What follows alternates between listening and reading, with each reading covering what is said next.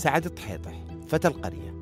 من التصوير بدأت مسيرته الفوتوغرافية. في قرية صغيرة يعيش فيها عشرين شخص في جنوب المملكة بدأ شغف سعد في توثيق اللي قاعد يصير حوله في الكاميرا.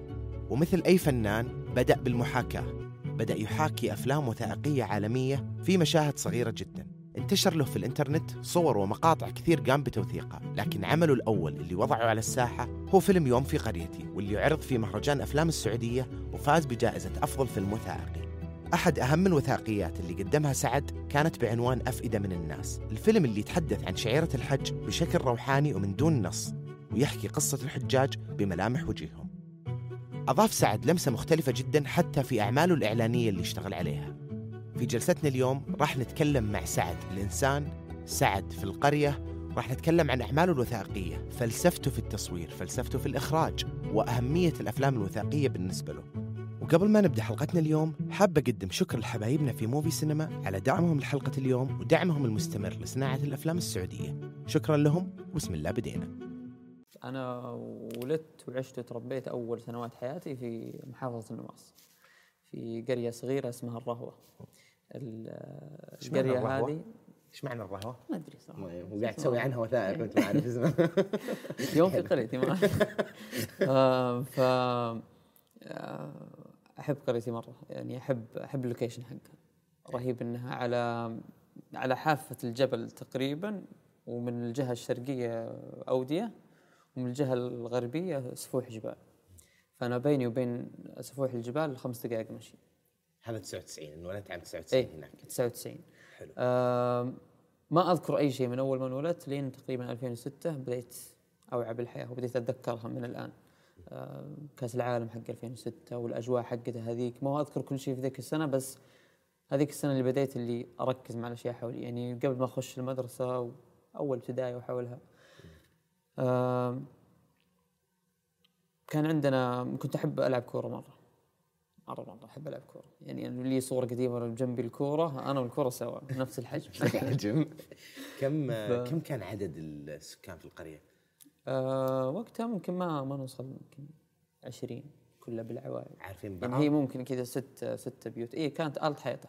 وكم هي العائلة كاملة. و- العائلة. وكم كم بعدها عن النماص كانت؟ يعني هي بين محافظة سنومة والنماص. يعني 10 دقائق 10 دقائق. حلو. وبعدها عن أبها ساعة ونص ساعتين. والمدارس كنتوا تدرسون في القرية ولا تروحون؟ لا لا قريب من القرية. قريب من يعني كانت كل القرى اللي حولنا تدرس في مدارس واحدة. ثانوي متوسط ابتدائي. ف كان الشيء الوحيد اللي أسويه يعني ما ما كنت أعرف العالم اللي برا يعني أقصى شيء اللي أروح النماص في مطاعم في أسواق وزي كذا بسيطة برا بس أغلب حياتي في داخل القرية. السيكل الكورة الأشياء ذي يعني الجداول كلها تصير في القرية. ف مرة يعني ما كنت ما كنت أوعى بالعالم الخارجي ابدا. ولا ما كنت بالإنترنت يعني ولا شيء. ولا ولا تقضي وقتك بالإنترنت. لا ما يعني ممكن كان موجود وقتها بس أنا ما ما أدري إنه موجود فعلا. ورتم الحياة كان هادي. هذه مرة يعني كان أكثر شيء أشيل همه الدوام اليوم الثاني. متى أرقد متى أقوم الصبح. بس. ومن ترقد لما ترجع ترقد كيف كان جدولك في القرية؟ وصف لي كيف كانت حياتكم هناك؟ ممكن كان أكثر شيء أحبه يوم أرجع من المدرسة بعد الغداء كانت فقرة التلفزيون. آه سبيستون أو وقتها يوم طلعت نيكلوديون يعني إحنا شوية متطورين سبونج بوب وزي كذا الساعة ثلاثة ما مرة ما افوت فكنت أحب أطالع. ما كنت أحب أطالع اللي آه، بس كذا أحب أطالع اللي هو جدول أسويه كل يوم. لأن أنا اطلع المدرسة آخذ لي أشياء من البقالة بعد الغداء ما أتغدى عشان آكل بسكوت البطاطس وأقعد اتابع. آه وفي العصر كنا نلعب كورة. كل عصرية كنا نلعب. كورة. يوميا. إيه. تفجير كورة. إيه. والملعب حقنا كان موجود في في الفيلم اللي سويته بعدين كان هو أحد الجداول. وقتها كان عندنا جهاز كمبيوتر. كان فيه كذا كل المقاطع وكل الأشياء والبرنامج الرسام وأشياء كذا كثيرة. كان إخواني الكبار و... وأختي كانوا يجيبون كذا مقاطع البلوتوث وزي كذا أشياء من برا. يعني كان إخواني الكبار واحد عسكري واثنين مدرسين بس كان وقتها واحد مدرس لسه واحد في الجامعة. بس إنه هو يروح؟ ابها أنا دائما أنسى. أنتم 20 بالاخير يعني لا فأكيد العدد لا أقل. 20 آلة حيطة أنا أقصد 20 اللي في القرية فأكيد عددكم أقل من 20 يمديك تعدهم بسرعة. ستة. ستة. عيال بنات. خمسة خمسة أولاد وبنت واحدة. حلو. وأنا وين ص- ترتيبك؟ أنا صار واحد. أنت صار أوكي. المفروض مدلع لكن لكن لكن الحياة ما مشت. ف فكنت أشوف الكمبيوتر هذا كان مليان أشياء كثير. كنت أشوف مرة مقاطع الكورة فيه. مقارنة بين مارادونا ورونالدينيو وأهداف كاس مدري وشو. كنت أحب أشوفها وأروح كذا في الملعب عندنا أحاول أقلد الأشياء هذه. طبعا ما أقدر مرة كذا رجلي ضعيفة والكورة كبيرة بس اللي أنا أحب الجو هذا اللي كنت أقول أبغى أصير لاعب كورة. اللي هي أنا ما ما يهمني أبغى أصير لاعب كورة. ف وكان في أحد المجلدات كان مجلدات كذا مليانة كثير مقاطع مضحكة مقاطع مرعبة حوادث وزي كذا. وفي كذا هناك ألعاب فلاش اللعبة اللي تكسر سطح المكتب. معروفة، إيه. التفجير اللي. ترمي الكورة ال- بالمكتب تروح في الزبالة. لا وفي برضه اللعبة هذيك اللي بدك تختار الشاكوش تكسر كذا سطح المكتب. عارفها كانت حلوة. أعرفها. إيه. هذه كنت قاعد ألعبها في القصيم أنا وأنت هناك. لو شابكين أونلاين كان. فكان في مجلد هناك كان اسمه أفلام وثائقية. حلو. خشيت يوم هناك ولقيت مقاطع طارق السويدان مدري وشو. بعدين في فيلم اسمه الكوكب المعجزة. كم كان عمرك وقتها؟ ممكن ثاني ثالث ابتدائي. حلو. بس عادي أبغى أشوف كذا أشياء. ففتحت طارق السويدان بس قاعد يتكلم كذا ما في وثائقي ما, ما عجبني. بس هي كانت المقاطع العلمية وقتها كلها هذا تعتبر وثائقي يعني. اي ففتحت شفت الكوكب المعجزة. كان عرفت أنا تو انه واحد اسمه هارون يحيى. هو اللي زي ديفيد أتنبرا هو اللي يتكلم كيف voice over وزي كذا. فكان الكوكب المعجزة يتكلم عن كوكب الأرض. لكن الفيديو كامل يبدأ كذا مجرد درب التبان. بعدين آه، يبدأ في الكواكب بلوتو أورانوس زحل المشتري. ويجيب كل كوكب يجيب ال- إيش الأشياء اللي فيه وكيف طبيعة الحياة فيه كيف انها مستحيله تركيبته اي اللي ودرجه. الحرارة 200 مدري كم تحت الصفر وزي كذا. وكل كوكب يجيب لك كذا اللي يا ساتر. كل واحد اسوء من الثاني. في الأخير يجيب الأرض. وش الإلآت وزي كذا ويقرأ كذا آية من القرآن. كان حلو. بعدين يوقف الفيلم. على طول اول ما يبدا في الأرض. أنا قلت آه خلاص خلص الفيلم كويس. تو اكتشفت قريب قبل أسبوعين إن الفيلم هذا كان بس جزء واحد. يعني كان المفروض في أجزاء ثانية يفصل زيادة في الأرض. بس أنا وقتها كنت أحس إني أكتفي وعدت أكثر مرة أشوف الكواكب عجبني. كذا يصور الفضاء بطريقة رهيبة. في في فيديو برسل لك إياه إذا خلصنا كان يقول لو أخذت غواصة ورميتها جوا المشتري آه وين راح توصل؟ لأن المشتري غاز. ما ما له ما له سطح. لأنه هو شمس كانت المفروض كان المفروض يكون شمس بس حجمه ما ما, ما ساعد إنه كتلة المشتري. فتشوف كيف يوصف لك تركيبته أج- يعني ال- الأتموسفير اللي هو الغلاف لما تدخل درجة الحرارة التركيبة الكيميائية فأحس بيحك لك ال ال ال ال كان رهيب صراحة. من ذاك يعني أنا. وقتها اللي بس أشوف مقاطع كورة من هذا فجأة في الفضاء. عجبني الجو. كويس. بس ما ما هو وقتها قلت الله. أبغى أسوي افلام وثائقيه ما شفتها عجبني وخلاص. ومشيت. بقى معاك يعني إلى إيه. الحين تتكلم في لسه الحين معناته متذكره طبعا. والآن صار اسمه اسمه أصلا الكوكب الحي. ما اسمه الكوكب المعجزة بس كان كذا مسمينه عندنا في الكمبيوتر. آه وقتها أحيانا إذا ما كنا نلعب كورة كنا نطفش. أنا وأولاد عمي. كنا كذا جروبنا كان أربعة خمسة. وكلنا تقريبا نفس الأعمار. بين كل بين كل واحد واحد أربع سنوات ثلاث سنوات متقاربين. اذا ما كنا نلعب كورة نقول وش نسوي؟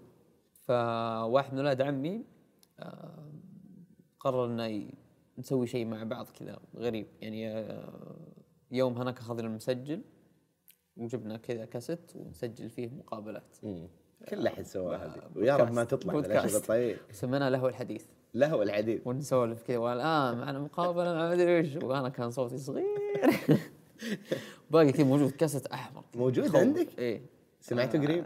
عند واحد من ولاد عمي. حلو. سمعته قريب سمعت صوتي بعدين قلت وهذه ابتزاز بعد كوي- 25 كويس سنة. كويس إنه معي خله موجود ف ما هو مرة كان كذا عاجبنا الجو بس كان كل واحد في بيت عنده جهاز كمبيوتر مكتبي. كم مرة كذا كل واحد نقعد عليه وزي كذا وننبسط. آه ما كنا نشوف أفلام ما, ما نعرف هذا الشيء. بس إنه وقتها بدينا نحاول نسوي شيء يعني أنا كنت أول أفلام اللي شفتها من برا آه حق ديزني وبالمصري. حكاية لعبة واحد اثنين وشركة المرعبين وحياة حشرة. هذا مش طيران دوار بس بشياك إيه. فالثلاث أفلام هذه خاصة حياة حشرة أنا أوف. بس أنا شفته قريب قعدت أضحك. رهيب ترى. ترى. دبلجتهم خرافية.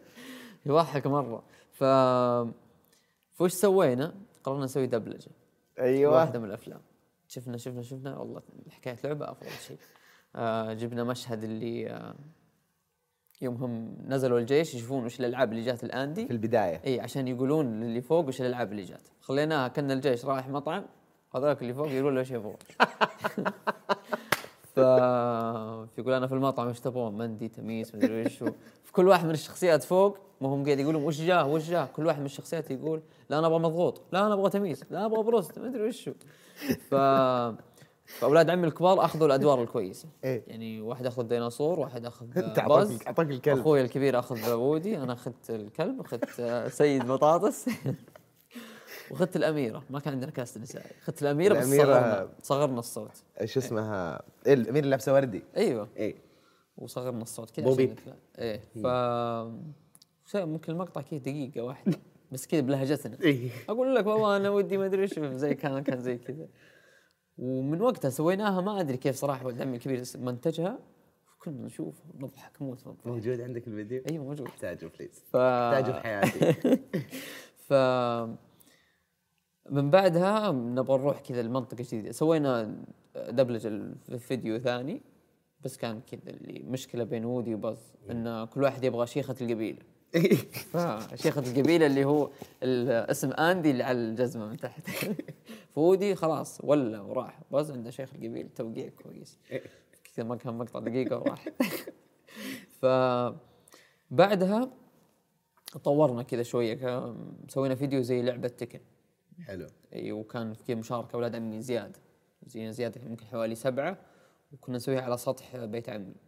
آه تصورون. إيه. تصورون كان لعبة تكن. اثنين يجون يتضاربون واللي يفوز على الثاني يطيح من فوق السطح. ونعبي الملابس كذا مخدات ونرميها. في لقطة من تحت كنا واحد طاح. إيه. ف وفي الأخير أنا اللي فزت. يعني أنا في الأخير طلعت وجيت على الوحش الأخير اللي لابس فروة كذا كان كبير. جيت أنا أنا داعس ورميته من فوق السطح. في الأخير صرت أسوي كذا. وكذا وأصوات كذا. وهذيك أنا كنت مبسوط وقتها. حلو. اللي أنا كنت أمثل في هذا الشيء رهيب الجو. آه وهذا بالفضل صراحة يرجع لولد عمي انه كان هم مطلعين أكثر على أفلام على أشياء. كان أكبر منك؟ إي مرة. شو اسمه ولد عمك؟ آه كان اسمه ظافر. أتمنى لسه اسمه اسمه ظافر صح؟ إيه، تغير ما okay. لا إيش قلت كان؟ ما أدري أيوه. آه بس انهم كانوا كثير. يعني كان ظافر وعلي ومحمد يعني كانوا هم أخوان وكانوا مرة مطلعين على هذا الشيء. فبعد فترة يعني بس هم كل اللي كانوا يجون إجازات بعدين يمشون. نبقى إحنا كذا ال group اللي اربعة ناخذ اللي اخذناه في الصيفية ونسويه باقي أيام المدرسة. حلو. ففي يوم من الأيام قررنا نسوي فيلم اسمه الساحر. وش الساحر؟ ناخذ فروة سوداء ويسوي كذا بس يطلع عين واحد. هذا أخوي. وأنا قاعد في البيت ولد عمي الثاني يجي يسلم علي ونجلس سوا ونشوف كذا التلفزيون. ف بعدين يجي الساحر يدق الباب ويزعجنا ويطلع ما يلقى أحد يطلع ما يلقى أحد مرتين. ويوم أنا أطلع ألقى واحد هناك في الطرف يجذبني أحس أبغى أروح أشوفه. وأروح عنده بعدين كذا يطالع فيه وأخاف وأرجع البيت. يجي يدق الباب مرة ثانية. ساحر كذا ما أدري إيش يبغى. يوم يطلع ولد عمي يلحقه أطلق عليه مسدس مات. يوم فتح الفروه لقي بس فيها أحجار. ويوم يطالع ورا يلقى الساحر من وراه. حلو. بعدين ياكل بعدين يصير كلهم سحرة. بعدين يجون علي بعدين ياكلوني أنا. كان الفيلم ثمان دقائق wow. استعملنا فيه music أظن Godfather Pirates of the Caribbean Lord of the Rings كل كل أي music فاز بأوسكارات كثير استخدمناه بغض النظر ماشي مع ال mood ولا رفعناه. في اليوتيوب جاء اليوتيوب قال هاتوا كل فلوسكم. ما تستحي. يعني باع لك بيتكم. واحدة ثنتين باع يعني. بيتكم اليوتيوب واخذ اليوتيوب على طول كذا قال لا لا لا طلعوا هذا ما يجي لا زال حبيس الأدراج. أتمنى إنه يطلع. والله. ما عليك أنا بصير لك producer وبجيب لك حقوق كل هالاغاني والفيديو هذا بيكلفنا يمكن ثمانين ألف بس يطلع ما عليك. ف يعني بس اللي كنت أنا أطلع قدام الكاميرا. حلو. اللي يقول لي سوي كذا أقول طيب. مين اللي كان يخرج؟ مين اللي كان يكتب الأفكار ولد عمي؟ اللي اسمه محمد. حلو. إيه. يعني ما كان كذا عند الكاميرا هذه ويلا zoom in zoom out شغل. كان يمنتج بس ما أدري بأي برنامج. وكان واحد من أخواني يعني على طار المونتاج كان يسوي آه، كان يسوي زي ال... يسوي زي الريمكسات كذا بالأغاني على برنامج اسمه ماجيكس. كان رهيب صراحة كان يعجبني البرنامج هذا كنت كنت ادخل كذا واضيف كذا أغاني كان يعجبني كذا الكتات ف متى بديت تصور فوتوغرافي؟ إيه، أول ما بديت تصور مشت مشت الأمور والدنيا خلاص اللي بعد ما أولاد عمي راحوا الجامعة وزي كذا اللي خلاص طفشنا. بس نلعب كورة وكل ما الكورة تموت عندنا اللي خلاص كل ما كبرنا ما عاد صرنا لعبنا زياده صار باب واحد بدل بابين إيه. بعدين صار بلنتيات أنت واحد ثاني. ف كان أتوقع في 2000 و 2012 2011 آه، فجأة كذا صار في هبة تصوير في السعودية كاملة. صح. أنا قلت والله أبغى أصور معه. ف بس أبوي ما ما بيعطيك كاميرا يعني ما, ما لا انت مصور ولا ولا أنت مصور. فأعطاني جوال كان سامسونج كان ينفتح كذا على فوق وكان الكاميرا حقته كذا مقوقعة شوي يوم أصور أقدر أروح يمين يسار. وايد هي تحرك. الكاميرا. إيه. ولا؟ لا بعد ما اصور الصورة يمديني احرك يمين يسار. يعني بس كذا كانت مرتفعة زي الفيش آي شوي. فهمتك إيوه. آه كان وقتها أول جوال أخذه في كاميرا. أي جوالات قبل ما في. يعني حتى الشريحة كانت بس أستقبل الاتصالات ما كان ما كنت أدق. آه عجبني الجو. صرت أصور زي كذا. بعدين أعطاني أبوي أول ما خلصت أول متوسط أعطاني آه Galaxy S 1 أول ما نزل. عجبني إني كنت أصور الكوب مثلا يعطيني عزل ورا. إيش هذا؟ عجيب زي الكاميرا. فعجبني صرت أصور أصور أصور. كذا وأجرب عادي أشوف الناس كيف قاعد تصور أصور زيها. حلو. ف إلين في يوم صورت صورة علبة بيبسي. كنا في أبها وقتها. أخذت البيبسي وحطيتها في الثلاجة ال light حق الثلاجة وحطيت عليه قطرات وصورت. أبوي شاف الصورة قال والله أنك مصور فنان. امش مشينا إكسترا نروح إكسترا شرى لي كاميرا. هذه ال pitch حقتك إيه. لل client يمديني أسوي كذا خذ ميزانية. فعجبني قلت تستاهل الكاميرا. وبعد ما شرى الكاميرا صار يقول يا ولد خلي التصوير ركز على الدراسة وزي كذا. طيب ليش شريت الكاميرا؟ اي من جد. ف وبديت بعدها أجرب. ما كان عندي يعني يعني كان ولد عمي ظافر كان يقول لي علمني كذا في البداية عن قواعد التصوير ترى في قاعدة أثلاث ولازم تسويها وزي كذا. قلت آه طيب ظافر هذا لسه ظافر اي وأصير أجربها. كذا أجرب أسوي زي ما هي. وكان في مصور اسمه ظافر الشهري. ما أعرف. نعرف. وكنت أرسل له كذا الصور أقول إيش رأيك أستاذ ظافر؟ زي كذا. كان يقول لي رأيه زي كذا يقول بالله يسوي كذا لا سوي كذا انتبه لا تسوي كذا. حلو. ف بس أصور صور أصور صور أصور صور. صرت أجرب كل شيء أصور سيارات أصور طبيعة. يعني كان أكثر شيء عندنا طبيعة. بس إنه كان كل وقت المصورين اللي في المنطقة في عسير يصورون طبيعة. حاولت أنا أصور أشياء ثانية. والصور هذه قاعد ترفعها بمكان معين ولا الانستغرام. عندك؟ كلها انستغرام. اليوم أصور بعد ساعة انزلها حلو. كان فيني حماس إلى اليوم عندي أحاول إني كذا أمسك نفسي اللي بعد ما أصور شيء ولا ذا ودي أنشره بسرعة. ودي الناس تشوف. ف ف صارت ظروف في العائلة يعني بعد بعد سنتين من شريت الكاميرا سنة ونص اضطريت إني أنقل الطائف. أدرس ترم في الطائف. كان ثاني متوسط الترم الثاني يعني بعد سنة ونص تقريبا. كان كارثي بالنسبة لي. يعني كان أنواع التنمر و... والله. وكذا والبيئة مرة ما عجبتني وكانت مخيفة بالنسبة لي صراحة. يعني اول يعني تخيل أنا طول الوقت أقصى شيء رحت الرياض مع أهلي وأرجع وأروح أبها وأرجع weekend بعدين رحت الطائف. كانت كذا تجربة غريبة مرة. كنت أتضايق يعني كل ليش يوم. نقلت الطائف؟ صارت ظروف يعني أخو أخوي صار له حادث وصار إنه المفروض إنه يروح الرياض وأمي وأبويا معه فكان أخو واحد من أخواني الكبار يدرس في الطائف يدرس في الطائف. خلاص أنا بسكن عنده لإني بس يرجعون من الرياض. حلو. ف كانت صعبة مرة. يعني كان الأسبوع أداوم فيه يومين ثلاث أيام بس. ما أقدر أداوم أسبوع كامل ما أقدر كذا نفسيتي ما تسمح. أوكي. بالمتوسط هذا. إيه. في وقتها كنت آخذ الكاميرا أحيانا وأروح أصور. ولا أحيانا اصور في البيت؟ الحياة الصامتة وزي كذا. كنت اصور كذا صور تعبر عن الشعور فيعني اذا طلعت صورت برا صور أبيض وأسود أحس كذا أنا أحس زي كذا. أحس إني أبغى أصور زي كذا لقطة. كنت أصور كذا لقطة شطرنج جندي واقف كل أحد كذا ميت حوله وقدام الأبيض كذا كلهم هذا واقفين شعورك في المدرسة؟ اي حسيت إني كذا ما ما أعرف. مكسور. إيه. ف استوعبت وقتها اللي أنا يمديني أطلع مشاعر في الصور يمديني باللايت بالأشياء هذه يمديني أطلع مشاعر كويس سواء حزن ولا فرح. لأني يوم رجعت بعدها أبها صرت أصور صور كذا رهيبة للطبيعة وزي كذا تغيرت نفسيتي مرة.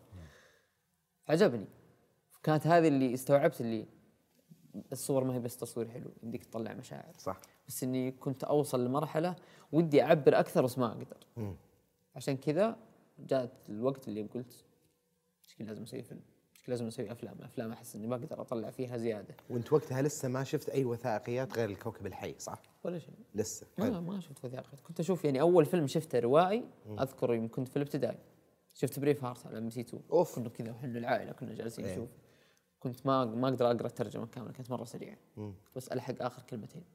آه، رائع مدري okay. okay المشهد هذا شكله رائع شكله مبسوط. ف ودرجة الفخير تاثرت آخر مشهد قاعد يصيح كذا مم. ليه؟ والله ما يستاهل إيش بهذا؟ قاموا في الحرب الواحده وش بهم زعلانين؟ ما كنت أفهم شيء مرة بس إني أحس إني تأثرت وقتها. ف و... بس كانوا أغلب أولاد عمي وأخواني ما يخلوني أشوف بعض الأفلام يعني ك- كان لسه بدري إني اشوفها. وولد عمي محمد اللي كان يصورنا كان يعطيني أحيانا كذا hard disk في أفلام بس هو بعد ما يصفيها إيه. يعطيني إياها يقول هذه كويسة خلاص شوفها. آه واحدة منها فيلم Seven أوف. يعني فيلم Seven يوم شفته وقتها. ذاتس ان ذا بوكس فكان حلو وقتها. يعني من ذاك الوقت ما اظني شفته مرة ثانية إلا قريب قبل شهر. شفته قلت. خيالي. والله رهيب مرة. ف في قلت خلاص أبغى أبدأ في الأفلام. كان في وقتها مسابقة الوان السعودية تبع وزارة السياحة. ما كان اسمها وزارة السياحة كان اسمها هيئة التراث ما أدري إيش. كانوا يفوزون يلقطون جوائز 60 70 ألف. يا ولد أبغى فلوس. وقتها كنت كذا ثالث متوسط أول ثانوي. ف فرحت عند عمي ظافر هذا قلت له أبغى هو كان مبتعث في بريطانيا. كان يجي كل سنة ولا كل سنه كان أكبر منك بكثير والله. إي الحين دكتور في الجامعة. ما شاء الله. كبير. فصرت أقول- رحت عنده قلت أبغى أسوي فيلم time lapse شوف العالم قاعد يفوزون يصورون أبغى أسوي زيه. كان صاحي أنت. وش ال time lapse وش الفكرة؟ إيش؟ قلت له سحب كذا تمشي وبيوت قديمة. بيضرب هم يبغون كذا. قال لا لا شوف الفيلم هذا ممكن يعجبك. أعطاني فيلم اسمه Baraka كان مخرج ومصور اسمه رون فريك. معروف. قلت طيب بشوفه وأرجع لك. فأخذته كنت ترجمة شيء؟ قال ما في شيء. قلت طيب. وشفته. شفت كذا على جهاز الكمبيوتر حقي كانت توشيبا وكان يوم افتح الشاشة طق كذا وحال وشفت الفيلم. شفته يعني من أول المشاهد انجلطت قلت هذه صور ولا فيديو؟ ولا عادي إنهم يصورون فيديو كأنه صورة؟ يعني هذا كان تفكيري إن الأفلام بس كذا اكشن وممثلين وزي كذا. ما في أفلام زي كذا ما في أفلام تركز بس على الصورة. فيلم وثائقي يستعرض قضايا كثير في العالم اقتصاد دين سياسة طبيعة أي شيء. ثقافات ما ما حد يتكلم. عجبني ما في أحد يتكلم ما في أحد يمثل. تشوف الحياة تشوف قاعد يصور الحياة زي ما هي. تشوف الموت كيف يصير ال... كان يصور time lapse كان يصور time lapse كان؟ مركز على شيء. انت في في جزء من ال time lapse حلو. ف رجعت لليوم الثاني قلت هو الفيلم فيلم رهيب مرة. عجبك يعني؟ شدك؟ مع لا ما كان عجب عجبني. يعني شفت كان طقة موسيقى واحدة. على فيديوهات بس. بس فيديوهات. تكوينها البصري كان خيالي. وأشياء كذا لاول مرة أشوفها في العالم. ثقافات وأديان وخذ بيم بيم بوم بيم بيم كذا اشوفها صح. إيش هذا والكتات الكتات كانت خرافية. صح. مع الصيحات مع ما أدري يعني إلى الآن لا زالت فيني هذا الشيء. شغل الكتات اللي إذا ضربت هنا صوت معين ما هو بس music غير لقطة ثانية كذا افتتاحيه كذا. خلق فيني كذا أسلوب واللي قلت عجبني. في واحد ثاني؟ قال في واحد ثاني اسمه سمسار. سمسارة يعني. نفس الشيء. شفت شفت الفيلم الثاني اللي طلع يعني هذاك في التسعينات وهذا في 2011 الكواليتي اختلف حركات الكاميرا صارت أرهب. يعني هذا كان يحرك الكاميرا كان بس برضه كان حلو. يعني وقتها ممكن أشوفها كويسة. لأن أنا كان عندي كانت كاميرتي مرة متواضعة. كان كانون دي 600 يعني كانت تكة تحتها نص. احترافي. إيه. بعدها كذا هذه احترافية. يعني أقصى شيء تصور 720 وزي كذا. ف بعد ما شفت سمسارة قلت والله أنا أبغى أسوي شيء يعني عجبني الجوهر أبغى أسوي شيء زي كذا. بس يعني كان هدف بعيد مرة كان كان ثقيل مرة مره مرة ثقيل وصعب. صعب علي إني أحرك الكاميرا كذا على قدام. مرة كان صعب. فرحت أخذت لي لعبة آه، سيارة آه كبيرة. فتحت كذا فتحة في النص فيها وباقي السيارة للحين. حطيت الكاميرا فيها. ال track حقي. خشبة؟ إيه جبت خشبة كذا على قد السيارة عشان أمشي الكاميرا فوقها وتعطيني لقطه كذا. حلو. كانت لقطة زي كذا. تطعيس. يعني حتى تحط stabilizer عليها ما ينفع. stabilizer بيرقص الداخل. ف بس إنه كان عاجبني كذا. أحيانا كانت أحيانا كانت تزبط. كذا تعطيني ثانيتين كذا ناعم أقول والله إني زيه رهيب كويس. حلو. ف خلاص بعد ما بعد قررت إني أسوي زيه بس ما كان عندي أي علم بقواعد التصوير السينمائي نفسها. في وقتها عرفت ناس من 24 إطار. واحد اسمه محمد المطيري. آه مخرج الأكاديمية. إي مخرج وفنان رهيب صراحة. كيف تعرفت عليه؟ عرفتهم في ألوان السعودية قبلها في معرض في, في الرياض. وش تسوون؟ قالوا إحنا نسوي أفلام دورات أفلام وزي كذا. آه كويس. لا لا أنا أصور صور بس. أفلام زي كذا. ما- ممثلين ما أبغى. فكنت اصور صور كذا من الجنوب غالبا ما أطلع منها فبعد ما عرفته قلت له تذكرني أنا ذاك الوقت بس الحين أبغى أسوي فيلم غيرت رأيك. عجبني الجو. إيه. وارسل لي FedEx الدورة حقته كانت سيدي وكان فيها كتيب. حلو. كتيب فيه ال- الزوايا زي كذا أشياء شروحات وأمثلة من Dark Knight وزي كذا كيف لقطات الكاميرا الله. اس الاشياء هذه. والدورة كانت حلوة. حركات الكاميرا وزي كذا بس كانت مختصة أكثر بالتصوير السينمائي فعلا الرواية. افلام وزي كذا. أفلام ال... أيوه ممثلين روائية، أيوه. بس عجبني. كذا قلت آه كويس. ولسه الأكاديمية شغالة ها؟ لسه الأكاديمية شغالة إلى الآن. يسوون كذا دورات أونلاين في ال Premiere في ال After Effect في, صناعة الأفلام في التصوير السينمائي. رهيبين مرة صراحة. يعني يعني أنا على بدايات ال Premiere أول ما تعلمتها زي كذا تعلمتها هناك من هناك. اي أشياء. كذا أساسية. ف صرت أجرب وقتها. صرت يعني كنت أدرس في الثانوي وصرت أجرب أصور الفيديو. كنت وقتها أشوف أفلام.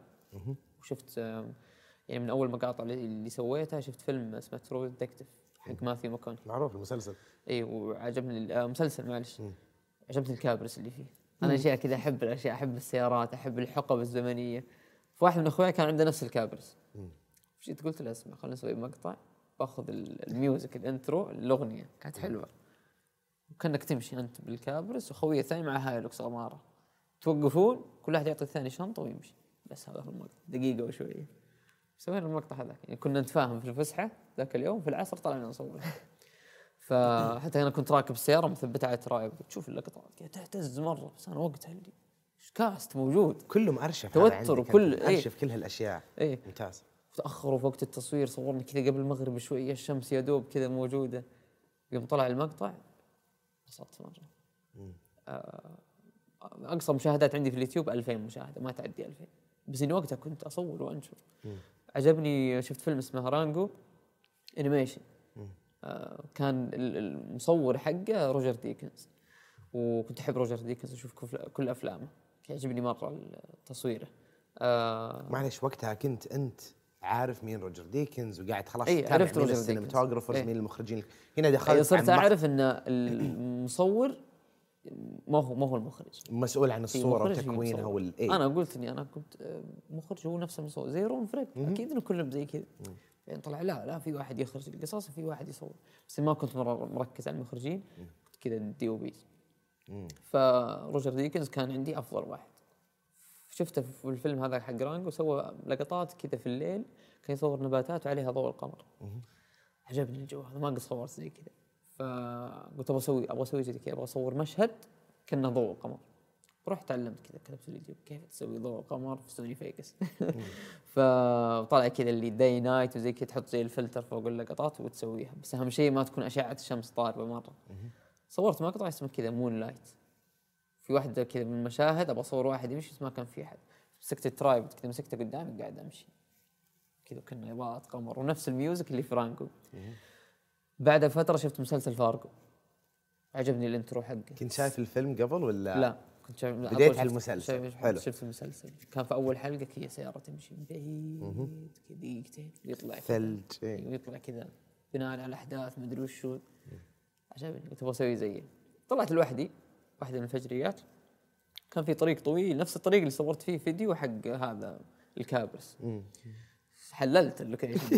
لأنه كان طريق طويل كان ما في إلا. ال location في القرية أصلا. ثبت الكاميرا صورت ركبت السيارة وش- وارجع لآخر الطريق. يمكن دقيقتين وأنا أمشي. وما في أحد في الفجر. شغل النور وأمشي. شوف اللقطة من بعيد السيارة تمشي. في الأخير كذا أنا وقفت كذا في وسط الطريق على أحد الأعمدة اللي هذا اللي فيها أسهم حمراء. وعلقت آه، صورة ال- السمك الأصفر والأحمر اللي في المسلسل. اللي ماذا لو كنت أنت صح وهم مخطئون صح. كتبتها كذا بالعربي ما أنت سويت لها في ال PowerPoint وطبعتها. على A4 أيوه حطيت لصق جروح هنا وهنا ما كان عندي لصق ثاني. طلع شكله غبي مرة. إني أنا وقفت سيارتي ونزلت وطلعت فيها ركبت السيارة ومشيت. ف وح- وحاولت إني أخليه يعني ما ما كتبته بالانجليزي كتبته بالعربي. انه بناء على طلب الشيبان تم تغيير الأحداث وزي كذا. وهذه الأحداث حدثت في تنومة عام 2011 ف لا لا بناء على طلب الدشير تم تغيير الأحداث. واحترام للشيبان بقية تم سردها كما حصل. فأنا أحب أحاكي أحب أشوف بعض الأشياء وأحاكيها. وحسيت إن المحاكاة هذه هي اللي تخليني أقول أحس إني انتقل من من مرحلة إلى مرحلة. مرة ممتاز. واختي وزي كذا وكانت حلوة صراحة. بعد هذه التجارب كلها انت لسه في القرية ما طلعت. إي لسه. إي. باقي كل شيء كل شيء في هذا صاير. يا في تنومه يا في النماص وزي كذا. ف بعدها قلت خلاص أنا أبغى أسوي أبغى أسوي فيلم. يعني اكتشفت إن الوثائقيات عجبتني. أبغى أسوي زي بركة. باقي في بالي بركة بس كنت أجر. كانت تعجبني الأشياء هذه.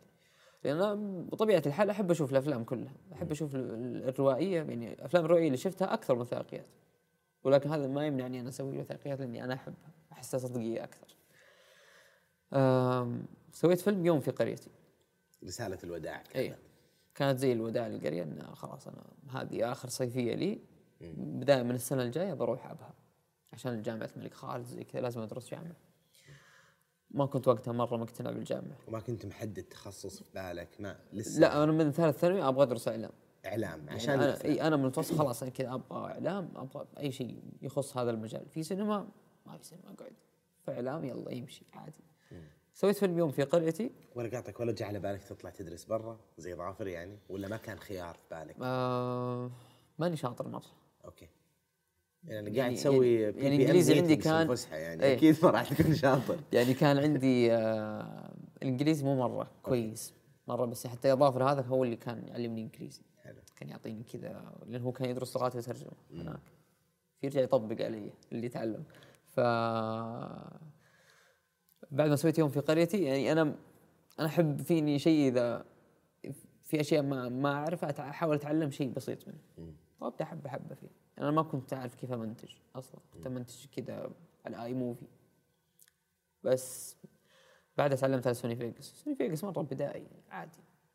وأنا إلى اليوم بس المونتاج حقي لقطات ورا بعض أصوات كذا تتداخل كذا قصة قصة قدامك. ما في كذا حركات لي على اللقطات ما أعرفها. يعني أنا أحس إني بحتاجها بكلم أحد يسويها لي. ولا حاسس إنك تبي تروح لذيك المساحة؟ أنت أحس شعور القرية والهدوء والحياة ال- ال- البطيئة والهادية والبسيطة ترجمت في أعمالك كلها. يعني وثائقياتك كلها ما فيها شعور ال- الكاتنج السريع وصارت الأحداث. بس ما ما تفكر تروح تجرب ذيك المساحة؟ لأنك دائما قاعد تطور في نفسك ولا تحس إنه خلاص هذا صوتك هذا الروح اللي تحطه في أعمالك كلها؟ هو أنا يعني حاولت صراحة إني أروح ذيك ال... هذاك الجو. إني أسوي شيء ممكن سريع شوية. لعلي حاولتها في بعض الإعلانات. يعني بس إنه كذا كلها تروح تروح ترجع لنقطة الثقافة والطبيعة اللي أنا تربيت وعشت فيها. أحب الثقافة اللي أنا فيها مرة. أحب أبسط الأشياء. يعني م- سويت مرة مقطع اللي هو عن الريحان كان مجموعة فنادق شدة. كانوا يقولون عندنا عندنا منتجات نبغى نسوي لها نبغى نسوي لها فيديوهات وش رأيك؟ قعدت كذا فترة بعدين قلت لهم ما أبغى أسوي المنتجات اللي عندكم، وش رأيكم نسوي عن أشياء لها علاقة بالجو اللي بيني وبينكم؟ فنادق شدة مستوحاة من طبيعة الجنوب. قلت خلينا نسوي عن الريحان، أنا الريحان أعرفه عند أبويا من زمان وبعد صلاة الجمعة يكون كذا مجمع في كرتون وكل واحد يأخذ يحطه في العقال ولا يحطه في الثوب. فقلت أبغى أسوي مقطع زي كذا. حلو كان مقطع بسيط مرة اللي أبوي يطلع من بيت جدتي يقطف الريحان من المزرعة حقتها يحطه في هذا العقال الإعلان اللي دخل فيه الوالد. إي وكذا لقطات كذا له وهو واقف كذا ويديه ورا ظهره ويطالع كذا في الجبال بس. حلو. بعدين تطلع ال- العميل بالأخير. إي اللوجو حقه. اللوجو بس حقه. ما يطلع ولا شيء ثاني. فنان. بس اللي كذا إحنا نركز على beauty shots الأشياء مميزة. واللي أنا أشوفها اللي هي موجودة أنا متى حسيت إنها متى حسيت إنها موجودة. أنا نقلت الرياض فتره كذا قعدت كم شهر في الرياض. يوم أروح أبعد عن الديره وأرجع أبدأ أستوعب أشياء كذا. حولي ليش ما انتبهت لهذا الشيء؟ ليش ما انتبهت لهذا الشيء؟ حلو. يعني صار نفس الشيء يوم رحت الطائف وقتها يوم رجعت الديره انتبهت لأشياء كثيره كثيرة حلوة صرت أصور وأنتج وأنشر. وأغلبها في الإنستغرام ولا زلت اليوم كذا مخليها أنا. حلو. عجبني. طب ولا قاطعك. الريحان آه كلمني عنه يعني شوي. أنت ما أنت ما رحت ما رحت له جانب وثائقي. بس ليش موجود في ثقافة الجنوب ويستخدم؟ إيش إيش ال- القصة وراها؟ يعني هو زي زي أي نباتات ثانية عطرية في الجنوب بس إن عندنا الحين في النماص في المناطق هذه وفي أبها في أبها أشياء ثانية يأخذونها بس إن عندنا الريحان هو هو الأول. سريع سهل زراعته. ينبت بسرعة ريحته مره حلوة أنا يوم أشم الريحان في أي مكان في العالم تربطني هناك الديرة ترجع للديرة هنا زارعينه في في جدة في الكورنيش الشمالي الجديد شفته يوم من الأيام قلت أوه ريحان شميت كذا اللي شفت الريحة هذه اللي تجيبك كذا في تجيبك فلاش باك الذكريات. زي المشهد هذاك اللي في خلطبيطة بالصلصة روتيتيلو الظاهر اسمه. إيه. يوم ذاك كذا ذوق رجع رجعته لامه كذا زمان. إيه. فنفس الشيء في بعض الروائح خصوصا الريحان يرجعني كذا المكان اللي أنا فيه okay. فعلا حلو. في العزايم والأشياء هذه الأشياء الأشياء البسيطة الحلوة. فاخترت الريحان انه هو يكون أول بداية حلو. لهذه المقاطع معه. حلو. بس هذا الإعلان سويته أنت بعد الوثائقي صح؟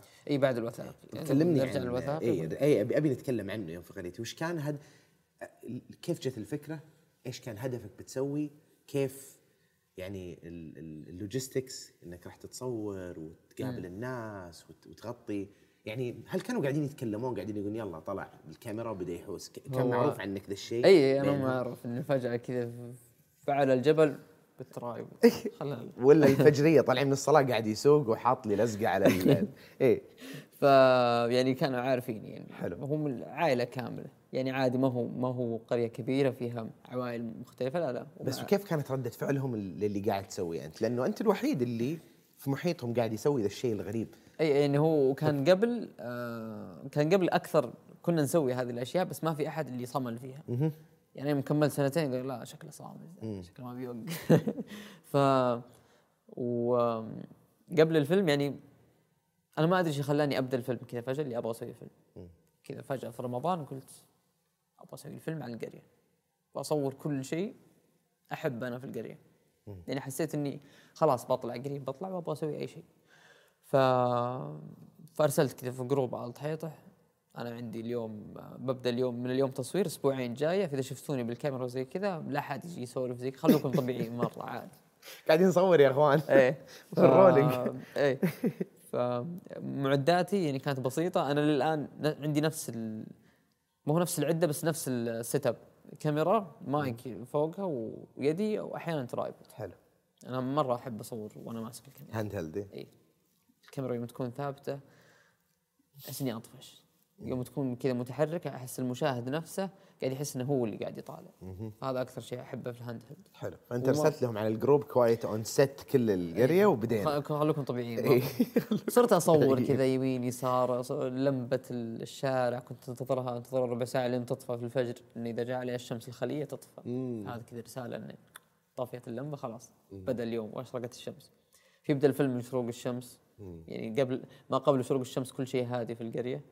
تشرق الشمس الأشجار في الصبح أصوات العصافير زي كذا. بعدين نومة إلى الظهر. بعد الظهر كذا تبدأ الحياة مرة ثانية كذا تتجدد. ف صلاة العصر واحد عمي عمي عبد الرحمن دائما كل عصرية يطلع. حاولت إني على طول صورته وهو يطلع بالسيارة من الحوش ويطلع كل عصرية يطلع أنت مثبت. الجدول وتستنى يطلع. إي يعني هذا من ضمن الفعاليات أنا أحيانا لما أروح بيت عمي عمي أشوفه طالع. ف بعدين الكورة في العصر وحين نلعب توزيع أعطني محمد لا لا لا خذ أنت لا لا هذا تصالح معي لا لا ما أدري شو ونلعب و6 0 مرة ومرة 10 0 فعادي في التوزيعه هذه البسيطة والملعب البسيط مرة اللي حتى ما هو مستطيل ملعب كذا ما. مثلث. عادي مبسوطين فيه آه فصرت خلاص أصور كل شيء. المسجد الصلاة فيه على المغرب مغرب من الجبل. يعني غالبا يمكن نطلع الجبل لين تغرب الشمس يوم يأذن إحنا نازلين من الجبل. خلاص هذا المشهد حلو عندي. أحب هذيك اللحظات اللي الدنيا مظلمة بس ما هي مظلمة بس أنا راجع ونسيم ال- المغرب هذا الحلو البارد. يوم نطلع من المسجد ونسلم على بعض. هذا شيء افتقدته أنا في المدينة. تخلص من الصلاة وتطلع. ما حد. إيش تبغى؟ إيش بك واقف؟ بس هناك أنت شكلك غبي مرة إذا خلصت الصلاة ومشيت والله. تخلص الصلاة توقف تسلم كذا سوالف زي كذا وخلاص يلا كل واحد يبدأ يروح بيته. بشويش. كذا ماشيين خمسة بين ثلاثة اثنين واحد كل واحد يروح البيت. حلو. تاخذ السوالف تاخذ العلوم مع إنه مصلين العصر مصلين المغرب سوا بس لازم السوالف. إيه. فأشياء كثيرة كنت حاولت إني أحب بيت إني أوثقها. آم، الزيارة بعد صلاة التراويح إلى بيت جدتي. وجدي جدي الله يرحمه مات قبل الله قبل ما صور الفيلم. الله يرحمه ويغفر له. جدتي الله يرحمها قبل شهر. الله يرحمه ويغفر له عظم الله. يسلمك جزاك خير. فالزيارة لهذاك البيت خلاص ما بتكون موجوده مم. الآن قيمتها موجودة في الفيلم. زيارة كلنا نوقف هناك نروح نسلم. آه الفطور مع العائلة. يعني كذا كان مرة شيء بسيط وال quality quality متواضع مرة. آه ديكور البيت حقنا اختلف. هذه الأشياء ما ارجع أشوفها أقول أولاد إخواني الصغار الحين صار واحد بطولي. في وقتها كانوا صغار كذا يشرب فمتو زي كذا مبسوط. في الليل السمرة آه نسمر ونلعب كيرم وزي كذا وننبسط بعدين نطلع كل واحد يروح بيته. بعدين ضوء القمر في الليل استخدمت ضوء القمر اللي سويته قبل في هذا في الفيلم هنا إيه. أيوه. آه وينتهي الفيلم. يوم كذا في القرية. فترة نقلت فيها الرياض. معلش بس خليك هنا دقيقة. الأسبوعين اللي صورتها هذه كنت مخطط ال- ال- اللقطات من قبل ولا تبنيها وانت قاعد لا. تمشي؟ أنا ما, كان ما بديت أخطط إلا قريب للأشياء اللي صورتها فهذه كانت يلا خليني إي خليني أصور كل شيء. يعني يمكن صورت 500 مشهد. 500 إيه. مشهد. وكم نزل منها في الفيلم؟ آه قليل ما هو كثير صراحة. فضي في كثيرة ما إيه، نزل. 500 مشهد يمكن 300 منها رايحة فيها. أوكي. فهمت؟ اللي يا دوب كذا لقطات حلوة. آه بس يعني حتى؟ آه، عفوا تفضل. صورت في الفيلم يعني أمي وهي تطبخ تسوي السمبوسة تسويها بيدها وزي كذا. كان كذا مشهد مشهد كذا يمكن دقيقة و دقيقة تقريبا. تسوي بيدها أروح معها أرجع. وانشات هذه أنا أحبها مرة. أبوي هو يقرأ قرآن يعني أبوي حتى ما قلت له بالله وقف زي كذا. قاعد يقرأ قرآن جيت جنبه ما يدري. اخذت اللقطة مشيت. لو بيدري بي- بيعصب. بس أحيانا أحيانا وهو يدري يسوي نفسه ما يدري. مم. يعني في مشهد في. مشهد في الفيلم وهو يطالع كذا في الشجرة ويسقي. هو شافني كذا قبل بعدين سوى كذا اللي ثابت. وأنا عاجبني. إيوه كمل كمل. ما عليك باخذ اللقطة. بعدين كذا كان لقطة medium بعدين close لا زال يسوي نفسه ما يدري. بس أنا صورت. يوم خلص أنا كيف كويس. ويمشي. ف وأحيانا يعصب يقول خلاص فكنا من التصوير. بس عاد أنا متفهم. مرة كذا مرة كذا على حسب الجو. مو قاعد مو هو أحيانا يعني حتى. أي واحد ما هو ما هو أحيانا أنا أحب إني أتصور. أكيد. ما لي نفس خلاص ابدا. صح. طيب آه قبل أبيك تكلمني عن آه لما حطيت الفيديو لما انتشر كيف كانت ردة فعل القرية وأهلك بالخصوص. بس آه كلامك مرة أثر فيني وشدني وأنت قاعد توصف ال- ال- الطقوس اللي ال- اللي في بساطتها كانت جزء من حياتك ولما تشم ريحة الريحان ترجعك لذيك الأشياء آه أنا عندي وغرت شوي. يعني شفت الأثاث اللي راح الأشياء هذه. أنا إلى ثالث متوسط كنت في الرياض في بيتنا اللي انولدت وعشت فيه إلى ثالث متوسط بين إخواني واخواتي كانت حياتنا هناك مترابطة بشكل كبير جدا. لكن آه، بعد ثالث متوسط نقلنا سافرنا رحنا القصيم. فإلى يومك آه، احلم في ذاك البيت. أحلامي تصير لي عن أشياء قاعدة تصير لي اليوم بس أحلامي في ذاك البيت. آه، ودايم أغمض وأتذكر أقول أنا دخلت من الباب الفلاني يمين أتذكر كيف ملمس الكنبة الفلانية ريحة الشيء الفلاني. ما بي ما بيها تضيع مني ما ابي أنساها ما ابي أنساها. ودايم نجلس أنا وإخواني وإخواتي نتكلم. تذكرون اليوم الفلاني هذا اللي صار فيه كذا؟ إيه اللي صار ذكريات كذا طايرة. ما بيها تضيع ما بيها تضيع ومرة تأثر فيني. يعني حتى قبل فترة زوجتي راحت صورت البيت وأعطته رسام وجابت لي الرسمة عندي حطيتها لأنه البيت البيت هذا مرة مهم عندي وما زلت إذا ثقلتني المدينة والحياة كذا ضغطتني مرة أرجع لحي الرب وأوقف قدام البيت ونجلس في البرحة. مرات أنا وأخوي الكبير اللي أكبر مني ثلاث سنوات إذا ضاعت مرة الدنيا فينا نقول نروح نروح طيب. نوقف نقعد هناك شوي نصيح إحنا ساكتين نكمل عارف؟ فلسه القرية معاك موجودة أحلامك تصير هناك تحلم فيها ولا؟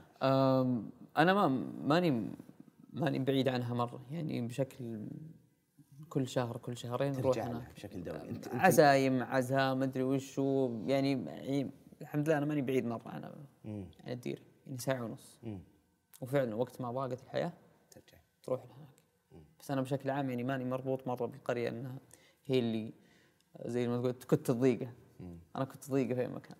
يعني أي شيء الجبال الأجواء أشوف السحب كذا من بعيد حلو. يعني أنا مبسوط إني عايش في أبها إن الأجواء حقت أبها تخليني مرة مبسوط يا أخي. يا محلاها إذا طلعت السود وشفت الأجواء كذا وال- والسحب آه، مواسية للجبال وزي كذا وتكي وتشرب شاي يعني أنا شرب الشاي مع الطرب مع بنورة كذا أنا أنبسط مرة. خلاص. مستعد إني أرجع المدينة وزي كذا. يعني الحين أنا لي أسبوعين كنت في الرياض بعدين الحين جيت جدة وزي كذا ودي أرجع زحمة المهرجان الحين تثقل ودي أرجع مع تعبك؟ الرواق يعني إي ممكن مرة تحس. لا أنا مساحتك- متأكد. أحسك بتصيح الحين. إي لأن تحس مساحتك الهدوء وال يعني أحب إني أشوف الناس اللي ترى أنا موجود بس اللي ماني مرة ترى مروق ومبسوط بهذا الجو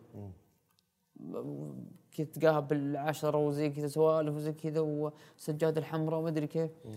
ما هو مكاني يعني. يعني أحس إني أنا ما أبغى أسوي أفلام إلا لأن في مشاعر عندي كثيرة بطلعها متى انبسطت مرة؟ إني سويت يوم في قريتي.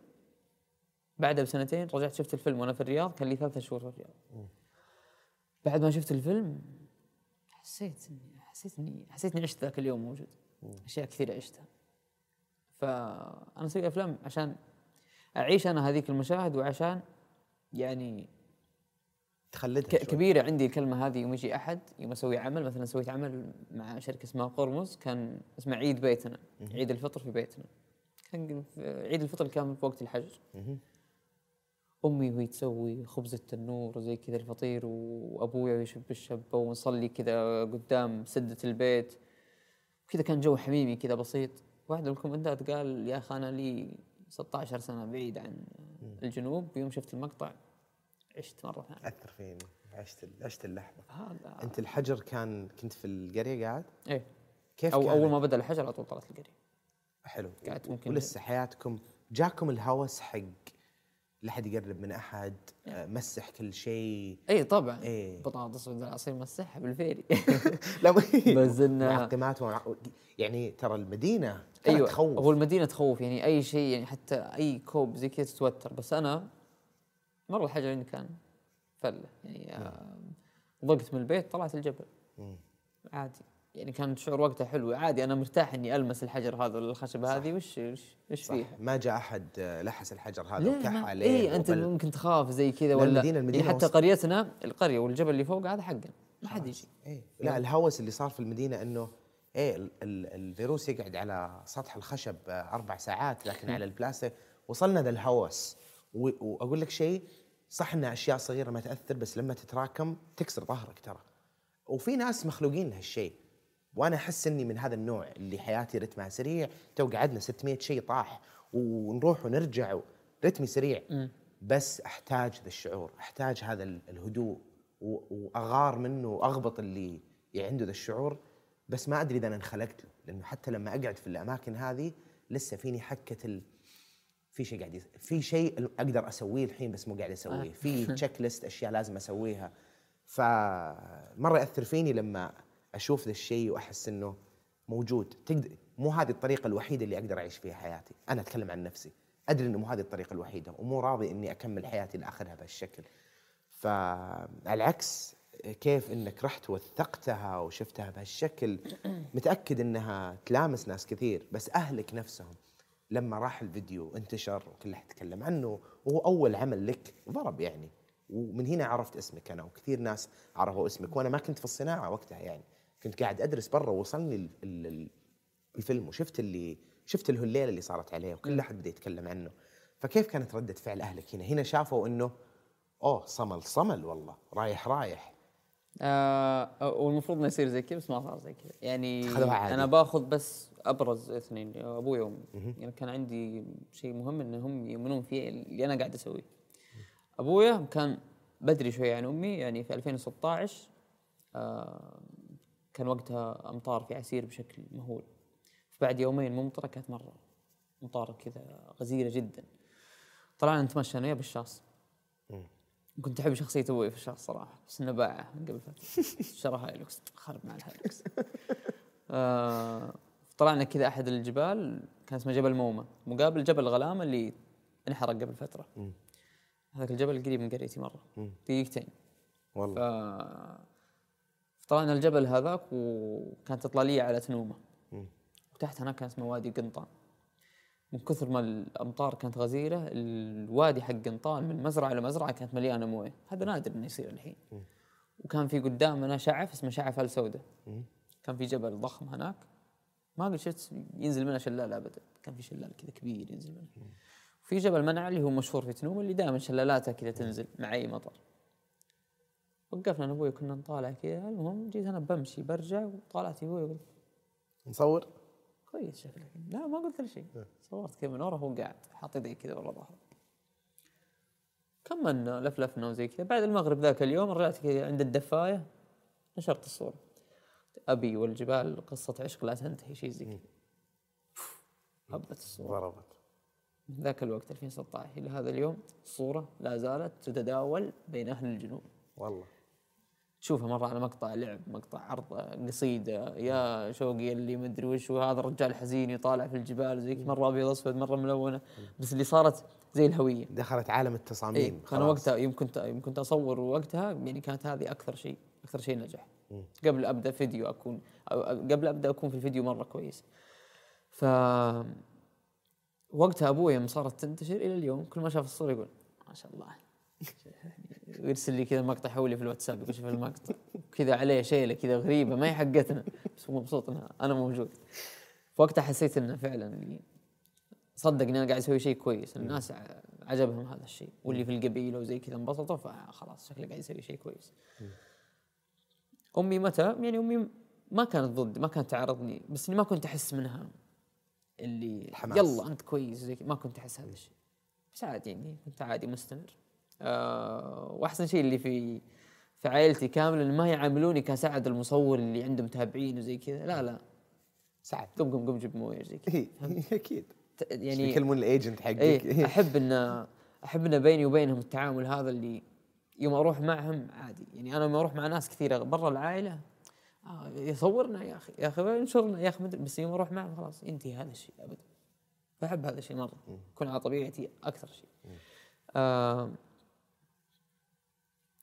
قاعد الفيلم سنة في اليوتيوب كان ثمان دقائق أول draft. بعدين شلته وديته المهرجان بعدين شلته سويت له edit مرة ثانية تعلمت على ال Premiere. يعني حسيت إني تطورت أكثر في ال Premiere فنزلت كل اللقطات وكانت ممتعة مرة إني أرجع منتج شيء مرة ثانية. بس إنه كان تقريبا نفس ال story اللهم بعض اللقطات يعني شفت إنها تتغير أفضل شفت إن المدة تتقصر أكثر. يعني كان مرة طويل كنت مهووس باللقطات الطويله زيادة عن اللزوم يطفش شوية. الحين صار عندي النفس اللي أقول okay ثمان ثواني خلاص. ثانية واحدة تزيد أحس يطفش. حلو. صرت تفرق. فقدمت على الأفلام السعودية. كان. ال quality حقه 720 أنا قلت ممكن. يقولون لا. إيش هذا؟ ويوم جاني الإيميل انهم قبلوا الفيلم. يا ساتر. إلى المهرجانات. خلاص. هذا أول واحد بس. هذا أول فيلم راح مهرجان. ركزت شوية قال ضمن الأفلام الموازية. ما ما بنافس. أخذت من كذا عزة النفس ليش ما أنافس؟ بس قلت ما في مشكلة. خلاص. فقعدت قبلها بشهر. متوتر أنا انقبلت في المهرجان. إيش هذا؟ يلا متى أروح الشرقية؟ متى أحجز؟ وزي كذا. رحت الشرقية. جاء يوم الافتتاح. اليوم الثاني اللي بعد الافتتاح كان عرض الفيلم. حلو. كان فيلمي ثمانية وربع. ما انساها كان فيلم مجموعة اللي كان منها فيلم الجرذي حق فيصل عامر كان سبعة ونص أتوقع. صار في مشكلة في فيلم فيصل عامر. طبعا كان كل, كل أحد موجود. كل أحد أنا قبلها بأسبوعين أنا مزعج كل أحد ثمانية وربع ترى فيلمي. لازم تجون. كان في السينما. فيصل عامر كان في المسرح. اي ما أدري إيش صار في فيلم فيصل عامر المجموعة حقته تأخر الفيلم حقه.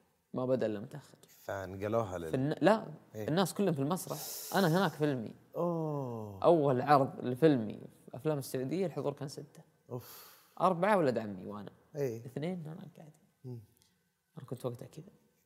معصب مرة. بس في لحظة في وسط الفيلم طلعت في الشاشة يعني كنت أقول لولد عمي يا أخي قالوا لي مدري شو عيوا طلعوهم والله إني أرسل مدري وقتها كذا طلعت في الشاشة. وشفت الفيلم. يا أخي حلو الشعور حسيت اللي على ال quality اللي رايح فيها بس إنه في السينما. يعني كان في قاعه السينما حقت الثران مم. الصوت كذا داير مدار شاشة كبيرة مرة. أقصى شيء شفته عندي في شاشة البيت. كذا قعدت لين خلص الفيلم انبسطت. أول ما خلص رجعت زعلان. طلعت برا معصب مرة. وكل الناس قاعد يطلعون من من حق فيصل عامر. ها نبغى نشوف فيلم قلت خلص. والله يحييك أنت. وش إيش تسوي؟ وين المدير حق المهرجان؟ قال واحد كذا فيه شعر أبيض. وين الملا؟ قال شعر أبيض. قلت آه ما أشوف شعر أبيض. شفت المولى شو السالفة؟ أنا رحت عنده معصب. كنت صغير شوي. يا أخي أنت قلتوا لي زي كذا ما حد جاء يا أخي يا أخي عزمت الناس كلهم ما حد جاء إيش؟ ستة ستة يشوفون الفيلم إيش هذا؟ قال أبشر باللي يرضيك وزي كذا. الله يسعده يا أخي صدمت إيش فاهم مؤدب داخل. تتلاقط. الله يسلمك الله يسعدك قال لي خلاص كلم فلان. جاني واحد هناك أبشر باللي يرضيك إيش تبغى؟ قلت أبغى عرض اليوم ثاني. صعب يا أستاذ سعد ما أدري وش ما يمدي. يعني الجدول مرة كان مزحوم. طيب بكرة الساعة 12 خلي الناس تجي ما قال ما يمدي الوالدة كانت جاية معاك صح؟ لا لسه ما وقتها جت. أنا إيه. بس الحال. ولد عمي موجودين في الشرقية. واحد من ولد عمي هو اللي كنا نسوي معه أفلام سوا ظافر لا محمد محمد إيه ظافر دائما في. بريطانيا ما ما هو موجود إيه بس هو اللي أشرف على الفيلم من بعيد وكان يعطيني نصائح والله ف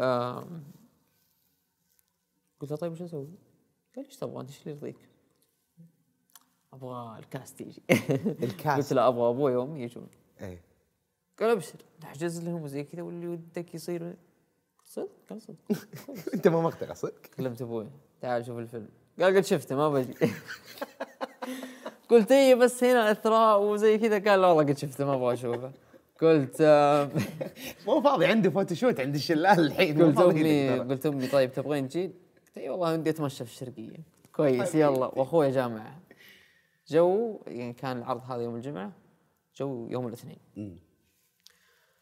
أمي أمي انبسطت بالجو العام الاستقبال استقبلهم واحد الجو في الفندق زي كذا وبعدين جو إثراء انبسطت أمي مرة من الإثراء.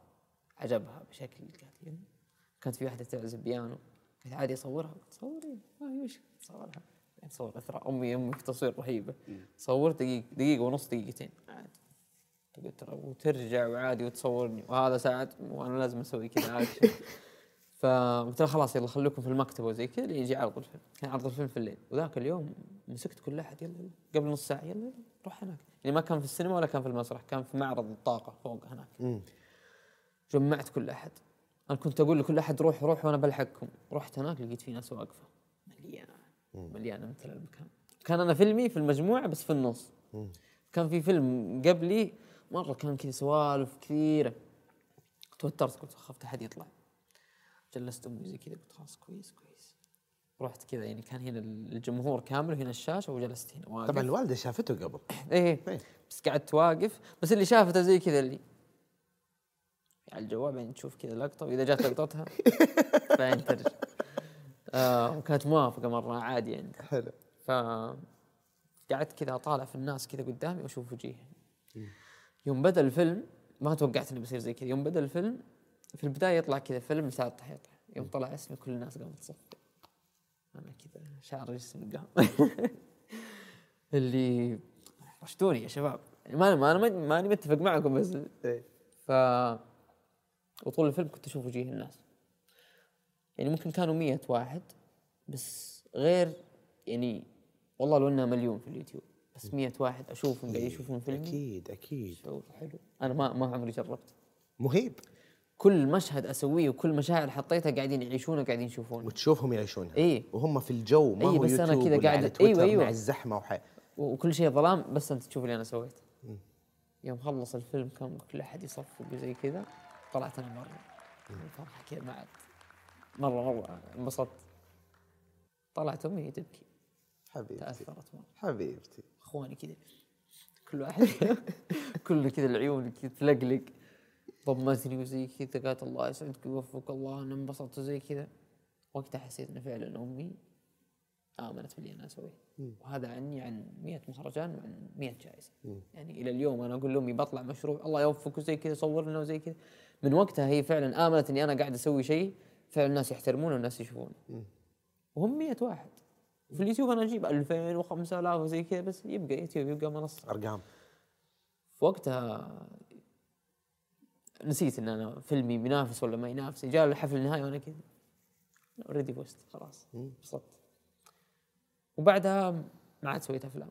يعني ممكن يعني المفروض إن- المفترض يعني كذا في أي مسيرة إنه يلا أتحمس أسوي شيء ثاني بس يعني رجعت أكثر. رجعت للجامعة والجو هذا يعني كانت شوي آه، صدمة اللي اوه لازم نجتهد. لازم حيلي لازم أدري وش. إعلام درست إعلام. إيه. كنت أدرس أدرس الإعلام وأحيانا أحاول أصور أشياء يمين يسار. و بس فلاش باك كذا سريع أول ما بديت أصور فيديو عرفوني المدرسة إني أصور فيديو. وقالوا نبغاك تصور فيديو لاداره التعليم حقت النماص. يعني هذا هذا فلاش باك تمهيد للإعلانات. متى دخلت الإعلانات كنت في اي في, في المتوسط في ولا 2000 ثانوي؟ 2015 كنت في ثانوي. أول ثانوي. أول أول مرة اصور أخذ فلوس. تذكر كم كانت؟ إيه 500 ريال. هذا ال 500 اي 500 ريال. جاتني بعد ما صورت الفيديو. زرقاء على الطاولة كذا. ساتر أعطاني إياك طلع من جيبي واحد اسمه الأستاذ عارف جمعان والله كان رهيب. أعطاني إياه. هذا أول sponsor طلعت قلت لو أصور أربع مقاطع في الشهر 2000 ريال يا حبيبي ومغطيها وماشي.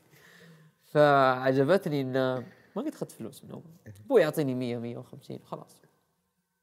كانت 2018 19 أسوي إعلانات. و ما ما كنت آخذ مرة فلوس كويسه بس إنه يعني كنت أجرب أجرب. آه شريت آه عدة جديدة يعني صورت مع 24 إطار مشروع كان في, في الحرم. كان مقاطع إرشادية كذا في الحرم اللي لا تشيل تحط زبالة هنا حطها هنا زي كذا. كنا نصور بريد. كان محمد المطيري معطيني جو إني أنا مصور. الله يسعده يعني كنت أنا أحس بنفسي أنا مصور المشروع هو كان يجي يعدل معي الكاميرا يعدل اللقطات بس إنه كانت تجربتي في المشروع رهيبة. قال إيش رأيك؟ تخلص المشروع واعطيك كاميرا. اللي هي GH 5 باناسونيك هي كاميرتي للحين أعطيك إياها كيف؟ مقابل المشروع تبغى أعطيك فلوس ولا تبغى أعطيك الكاميرا بعد يا؟ أخي. لما تشوفها الحين تستوعب إنه قاعد كان يسوي لك شيء. أي. يعني هو سوى الشغل وأنت وقفت معاه. ودفع لك بكاميرا يعني. أي. فالرجال تكلف يعني ما قصر. يعني أنا توي أنا أمس مقابلة قاعد نسولف مشروعنا الجاي. يعني هذا شريكي مرة من أول ما بديت. ويمكن من أوائل الناس اللي آمنوا فيني فعلا. ظافر أول واحد بس إيه. يعني. ف بعد ما أعطاني الكاميرا الكواليتي اختلف. صار 4K صار وش الصورة؟ صارت أنظف. وبعدها بسنة صار في زواج ولد عمي ورحت بصور. وجاء العشاء وزي كذا خليت الشنطة هناك وجيت تعشيت يوم طلعت من القاعة بعدين اخر الليل تذكرت الكاميرا ما أخذتها. رجعت اليوم الثاني. لا. راحت لا. سرقت عندتي بداية الصيف. والصيف عندي كان بزنس زواجات شيء يمين يسار. صح. وقعدت كذا. صدمة. يعني عدتي اللي توها جاتني قبل سنة ومبسوط فيها وعدسات وادابتر وحاله راحت. ف في ذاك ال... في ذاك الصيف نهاية الصيف اللي هو الحج جاني مشروع مع ثمانية. كان تصوير آه، في الحج. أيوه. كان فيلم في الحج. افئده من الناس. اي أفيدة من الناس. قالوا بنعطيك آه، كاميرا زي الكاميرا اللي أنت تبغاها. قلت خلاص طيب. فرحنا هناك كان على أساس أصور سيناريو معين وزي كذا بعدين جاني عبد الرحمن مالح قال اسمع صور اللي تبغى صور فيلم كذا لحالك. يعني زي أنا اللي أسويه قال زي اللي تسويه. كان كذا صدمة. اللي أنا اليوم اليوم الثاني يوم التروية. وش أسوي؟ وش؟ ما ما, ما أعرف شو السالفة. ولا أعرف الحج. ما قد حجيت ما- قبل ما كنت قد بقول لك قبل. إيه. ما يعني ما عشت التجربة عشان ترجع تقول إحساسي هنا كان كذا راح ولا أسوي شيء. إيه. شفت كمية الناس قلت يا ساتر. آه، ما قد مر عليك فكرة الحج يعني. نزلت آه، غير يوم تشوفه في أكيد التلفزيون. أكيد أكيد أكيد. غير يوم تنزل وتشوف حجيت واحد ماشيين كذا مستعد إنه يدعسك ويمشي. إيه. عادي. نزلت بالكاميرا مع شروق الشمس. أول مشهد في الفيلم كان القطار كذا يمشي قدامنا قدام السكن حقه. بعدين نزلت الكاميرا كذا أشوف الناس. ولسه مو عارف وش بتصور. بتكتشف وأنت ماشي. ولا شيء بمشي. ولا أفطرت ولا شيء ماشي. لقيت واحد من الشيبان هناك يدعي. يوم كان يدعي شوية بدأ يبكي. كويس محتوى. صور اللقطة. ما كان يعطيني وجه مرة. كان يبكي وزي كذا كان مؤثر. واخذ مشاهد هنا وأخذ مشاهد هنا بعدين شفت يعني ما عجبني وضع الخيام شفت كذا ناس في الجبل. إيه. قلت جو الصحابة وزي كذا قديم في الجبال وأطلع. ترى هذول غير نظاميين أصلا. مم. بس ما في مشكلة. رحت طلعت صورت. صورتهم زي يعني كنت أمشي وأصور فعلا. إلين الظهر إذا جاء الظهر ما عاد أقدر. شمس فأرجع أريح زي كذا جاء العصر وأطلع. في أحد المشاهد من الفيلم في منى ذاك اليوم آه رحت فوق أحد الجبال. هذا الجبل مسح الحين صار مكان خيام. ما عاد صار موجود. طلعت وصرت أصور الناس هناك وهم جالسين كذا وكانت اطلاليه على منى وعلى الخيام وزي كذا. كانت حلوة على الغروب. كانوا يقولون في مطر في مكة. قلت كويس بيجي مطر ناخذ لقطات جديدة في الحج. المهم وفي كذا لقطات كلهم قاعد إطلاليات زي كذا مبسوطين الحجاج كذا اللي قاعد كذا واللي قاعد كذا. فجأة بدون أي مقدمات آه، جاء غبار. غبار غبار شديد على الجبل هذاك وصار كذا يحوم فوق الجبل. تراب مرة كذا كان قوي. الإحرامات قاعد تطير. كان قوي مرة لدرجة أنا ما- ماني قادر أثبت نفسي. هذول مساكين اللي أنا بال- بالجزم وزي كذا وهذول حافين بعضهم. كنت أطالع في الناس كل أحد قاعد يتطاير كنت أحاول آخذ لقطات بعدها بيصلون المغرب. باقي الرياح موجودة. فجأة كذا لفتني مشهد وهذا يعني الجو حق الفيلم حقي دائما كل ما جيت بصور مشروع زي كذا أتذكر بركة وسمسم. أبغى أسوي نفس الشيء. بدأوا يصلون المغرب. كل شيء حولهم يتحرك الاحرامات كذا تتحرك. سريعة مرة. هم ثابتين في الأرض مرة. كذا اللي يعني كأن الصلاة خلتهم ثابتين مرة. أخذت له مشهد من بعيد. بعدين صار كذا في التشهد الأخير. حاولت إني أبغى أبين للمشاهد إنه كأنه هو قاعد يصلي معهم. كذا اديت بين اثنين وأصور كذا مشهد. اللي كان هو بوستر الفيلم. الإمام قدامي في كذا اثنين يصلون. كذا الكاميرا تهتز. كان قوي مرة الرياح. يسلم. السلام عليكم. السلام عليكم. ف كان حلو المشهد. بعدها العدسة انعدمت. كان فيها تراب في الداخل ما كانت عدستي ورجعت كذا للسكن. كان كل شيء كل شيء تراب وعيوني كانت حمراء وحالة. وبعدها رحنا نصور آه، في عرفة.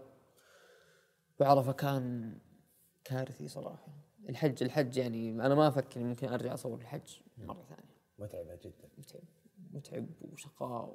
يعني أنت يوم تكون مصور تتعب أكثر من اللي قاعد انت تبغى لقطات تبغى أشياء معينة. صورت أشياء كثيرة صراحة. بس وقتها ما كنت ناضج يعني كمونتاج في التحرير. يعني حاولت إني في الأخير أضيف النسخة كانت مل- مليانة من آلة موسيقية اسمها الدودوك زي الناي كذا و- أيوه. كانت مليانة في الفيلم. هنا وهنا وهنا. يعني لو برجع أسوي الفيلم مرة ثانية ما بحط ولا شيء. صوت الناس حلو.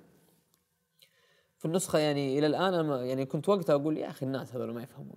خلينا يقولوا للناس يا أخي إيش هذه النسخة؟ إيش ما أدري إيش أشوف الكومنتات وأتحطم اللي ما حد قاعد يمدح شيء. تصوير حلو بس ال music سيئة وما كملنا المقطع مزعجة فعلا. أنا وقت يعني الآن استوعبت. لأني أنا خلصت من التصوير يومين بعد الحج قاعد أمنتج ونشرنا على طول. لا بعد الناس أكيد راح تكون عندها ردة فعل على إنه موسيقى على الحج. بس كانت الموسيقى سيئة. أنا الآن أشوفها قاعد أقول إيه، أنا أقول لك. في شيء أحسن. تدبلت يعني. ف بس كانت تجربة. يعني لو ما سويت هذيك التجربة ما كانت عندي كاميرا ورحت صورت بالكاميرا دي ورجعت لأني كنت طفشان خلقة في يوم رجعت جاني عرض تصوير آه، لسه مع ثمانية الوثائقيات اللي اشتغلت عليها. آه، أي هي أي هذيك تو قريب إيه. يعني هذا كان في 2018 في 2019 أو 2019 جاني عرض تصوير documentary طويل مرة. مع مخرج اسمه رضوان جمال. آه إلى الآن ما طلع الفيلم هذا لكن كان تصوير documentary مقابلات لناس من شتى المناطق في المملكة. وأنت لسه في هالمرحلة ما سويت مقابلات. ما سويت مقابلات. أنا كنت ضد المقابلات. أنا هذا اللي بسألك. لسه متأكد إنك تتذوق وتتفرج وثائقيات بشكل كبير. يعني من اللي موجود في نتفلكس وغيرها بسألك عن اللي أنت تحب تستهلكه والأشياء اللي تفكر تسويها بعدين. اللي تحب تستهلكه هل تروح تشوف الأشياء اللي تتكلم عن فترة زمنية معينة أو حدث صار ولا تفضل الأشياء اللي مثل آه كان true crime اسمه ولا إيش كان اسمه الوثائقي ال- اللي في نتفلكس عن الجريمة اللي صارت وإحنا قاعدين نشوف أحداثها. مم. في أكثر من واحد. في Evil Genius فيها سفاح الليل ومدري وش. يعني هذا الأشياء جوي هذه أنت تحب الأشياء اللي قاعدة تنحكى وهي قاعدة تصير؟ أي- يعني شوف هي اللي تشدك أكثر؟ أكثر شيء أنا أحبه أي شيء خصوص الحرب العالمية الحروب الأشياء هذه التواريخ آه، آه، أي شيء يعني مختص بالجريمة قاتل متسلسل زي كذا وكل حلقة آه، يعطيني حل معين. آم، فيها في فيلم حلو في مسلسل في نتفلكس اسمه The Confession Tapes فكرته جديدة شوية إن الشرطة يجيبون واحد ما له دخل بالموضوع يسولفون عليه واجد لين يقول إي والله اني سويتها. بس هو ما سواها. فهذا رهيب. يعني كل تخيل كل المسلسل beauty shot كذا كانها متصورة من من الحادثة نفسها وال... إي والصور حقت الجريمة والكاميرا نفسها اللي الكاميرا المراقبة اللي تصور هذول وهم يتقابلون معه هذا حلو وفيلم حرب عالمية في مسلسل في نتفلكس اسمه أهوال الحرب العالمية بالألوان أوه، اللي أول, مرة مرة أفهم ثانية. سالفة الحرب العالمية مم. ورجعوا لونوه ثانية صح؟ إي. اللقطات لأول مرة تنعرض وملونه هذه الحرب العالمية الأولى كان ولا الثانية؟ الثانية. الثانية أوكي بدأ بهتلر حلقة الحلقة الثانية جاب اليابان طبعا اليابان ما لها دخل بالحرب العالمية بس هم كذا لقوا أمريكا قال تعال وهذا أطلق عليه جلطه وبعدين؟ قالوا طب بالله شيك لي على هيروشيما وناجازاكي دقيقة بس. إيه فبعدين اكتشفنا أمريكا ما كانت تبغى تخش. بريطانيا قالت تكفون نورماندي يا أبو محمد قالت طيب ف... فأنا كذا بديت أفهم ال... بديت أفهم يعني وحبيت الجو هذا. بس إنه المقابلات كان شوية عندي. ما ودي أسوي مقابلات. إيه. ما أعرف أسولف مع الشخص اللي قدام. ما أعرف أعطيه سالفة أخليه منه زيادة. شيء، إيه. إيه. ف يوم جاني هذاك الوثائقي كان المخرج نفسه هو اللي يسولف مع ذولي. أنا كنت أثبت كاميرا وأصور كذا لقطات يمين يسار وأمشي. في المشروع هذا كان أخذته عشان أشتري عدة جديدة. شريت لي عدة جديدة وعدسات وزي كذا وإلى الآن معي نفسها. المشروع كان متعب عشان حذفت الترم في الجامعة. كان ثلاثة شهور تصوير 30 يوم بس كانت مقطعة. كان كان فيلم طويل يعني؟ إيه. كان feature أيوه أيوه. إيه. بس إنه كان رهيب إنه قابلنا ناس كثير من السعودية. رحنا الشمال الغرب الشرق الجنوب. إيش كان موضوع الوثائق يعني؟ إيش؟ آه عن الناس. كل واحد يسولف عن إيش اللي يحب إيش ما أدري إيش عشان نبين انه اختلاف الناس. اي تنوع. حلو. آه تبغى نساء تبغى رجال أطفال مقابلات كانت مع كل أحد. وكان مقابلات وبيوتي شوتس. اي كان رهيب انه أحيانا كذا نخش البيوت الضيافة اللي تشوفها من بيت لبيت تفرق العادات وزي كذا. كانت حلوة صراحة. يعني كانت تجربة لي صح إني شريت عدة جديدة بس إني شفت شفت السعودية كامله بشكل حلو. بعدها بديت أسوي الإعلانات فعلا. يعني صار عندي العدة وهذه التجربة خلتني أنضج شوية زيادة. صورت صورت صورت صورت صورت كثير. اللي خلاص صرت تمرست على الكاميرا زيادة على حركة الكاميرا وعلى شيلها وزي كذا. ف صورت إعلانات فندق شدا صورت أول إعلان طلع معي أبويا كان جوني ايجنسي تبع شركة آه، بوس حقت العطور. قال نبغى عندنا عطر عود ونبغى كذا تجيب موديل ويمسك العطر ويسوي كذا أنا ما أصور كذا. بس أصبروا. لو أنا موجود؟ عندي فكرة. وش رأيكم يعني؟ وش رأيكم يعني؟ اللي المبلغ اللي أعطيتوني شوية نقلل هذا وأصور اللي أبغاه. في مشكلة. خلاص روح. أهم شيء تنشر المقطع فنان فنان. خلاص. فنان عرفت تتعامل مع ال clients وال agencies و... وأبغى أجرب. فنان عليك. شفت إعلانات Boss. يجيب هذاك حق كابتن أمريكا الأشقر ذاك كيف برج في نيويورك ويلبس الجاكيت. قلت okay هذا الجو مع اللي عندي. مكسها شوي. مكسها. ويلا. دق على الوالد. أرسلت له في الواتساب هذه الرسالة كذا سويت thread في تويتر عن عني أنا وأبوي وحطيت الرسالة هذه موجودة. ارسلت له قلت له ودي أصور إعلان سوا وزي كذا في بيت جدي. بيت جدي مرتبط فيه ريحة العود شوية. كنت أشوف إعلانات Boss أحيانا يركب فراري يركب مدري وشو. قلت لابوي خلاص نأخذ الصالون حق جدي وأول مشهد في الصالون هذا. فأول مشهد في الإعلان زي كذا أبوي ماسك الصالون. هو ماشي. بعد لقطة ثانية وأبوي كذا قاعد في المشخص زي كذا في مجلس جدي والستاير القديمه اللي ورا يطالع في الكاميرا والكاميرا كذا تتحرك. صميم الرجوله ومدري وش voice over كذا عميق. فالاعلان 30 ثانية. في آخر مشهد أبوي كذا يمشي في وسط المجلس اللي حق جدي اللي مرة تربطني فيه أشياء كثيرة. وعلبة العود تطلع كذا في النص وابوي كذا كنا داخل فيها بعدين تطلع العلبة في الأخير. هذا إعلان. رهيب. بس إني كذا اللي سويته أنا بجوي انبسطت. ما أظن مرة عجبهم صراحة. يعني هم قالوا لي يعطيك العافية إنك نشرت. بس ما قالوا لي أي شيء على الإعلان. بس أنا انبسطت إني نشرته والناس كذا انبسطوا. ف بعدين صورنا حق الريحان مع بعض بعدين صورت مع شدا شيء آه، إعلان ثاني كان عن المدقال. المدقال هي رقصة الحرب اللي عندنا في رجال الحجر مختصة برجال الحجر وبني شهر. ف هذا اللي قلت لي بالطايف عكس يطلقون فوق. في الطايف ال- ال- ال- المعشرة الظهر كذا يقفزون يضربون على تحت. إيه. إحنا نمشي طق طق طق ويطلقون في السماء كذا. كلهم مع بعض. وجماعة ما هو واحد واحد لحاله إعلان لمين؟ الفندق شذا برضه. حلو. يعني بس لسه يعني جبتهم مرتاح. الأجواء كأنت. إي يعني يعني أنا وياهم تقابلنا في منطقة حلوة. هم مرة مخليني على راحتي. كويس سوى. رهيب. وأنا صرت يعني صرت صاحبهم. يعني صاحب ال ال المؤسسة نفسها و- وأختها ويعني ريم ورنا قراش صراحة من الناس اللي يعني آمنوا فيا وخلوني اللي. سوي اللي ودك على راحتك. إيه بس في نفس الوقت مو سوي اللي ودك وما يعجبني لا هم عاجبهم هذا الجو. كان كويس. فعندنا رقصة ال- ال- المدقال وعرضة المدقال هي موجودة من زمان. آه نفس اللبس نفس ال outfit ما تغير كثير اللي آه الجماعة موجودين كذا جالسين. وكل قبيلة يعني في العادة كل قبيلة ترشح أو كل عائلة من القبيلة ترشح انبل وأشجع رجالها. ويمكن ستة سبعة. والستة سبعة هذول يخشون في الحوش نفسه يأخذون لفة وزي كذا والدقة كذا ما تتغير. كذا ونفس ال نفس الرجل كذا تتحرك. دقة ما تتغير ما فيها يعني فيه فيه الزلف هذا اللي يدقون وفيه الزير. الزير دقته ما هي زي العرض اللي الآن موجودة لا دقة كذا تحسها حربية.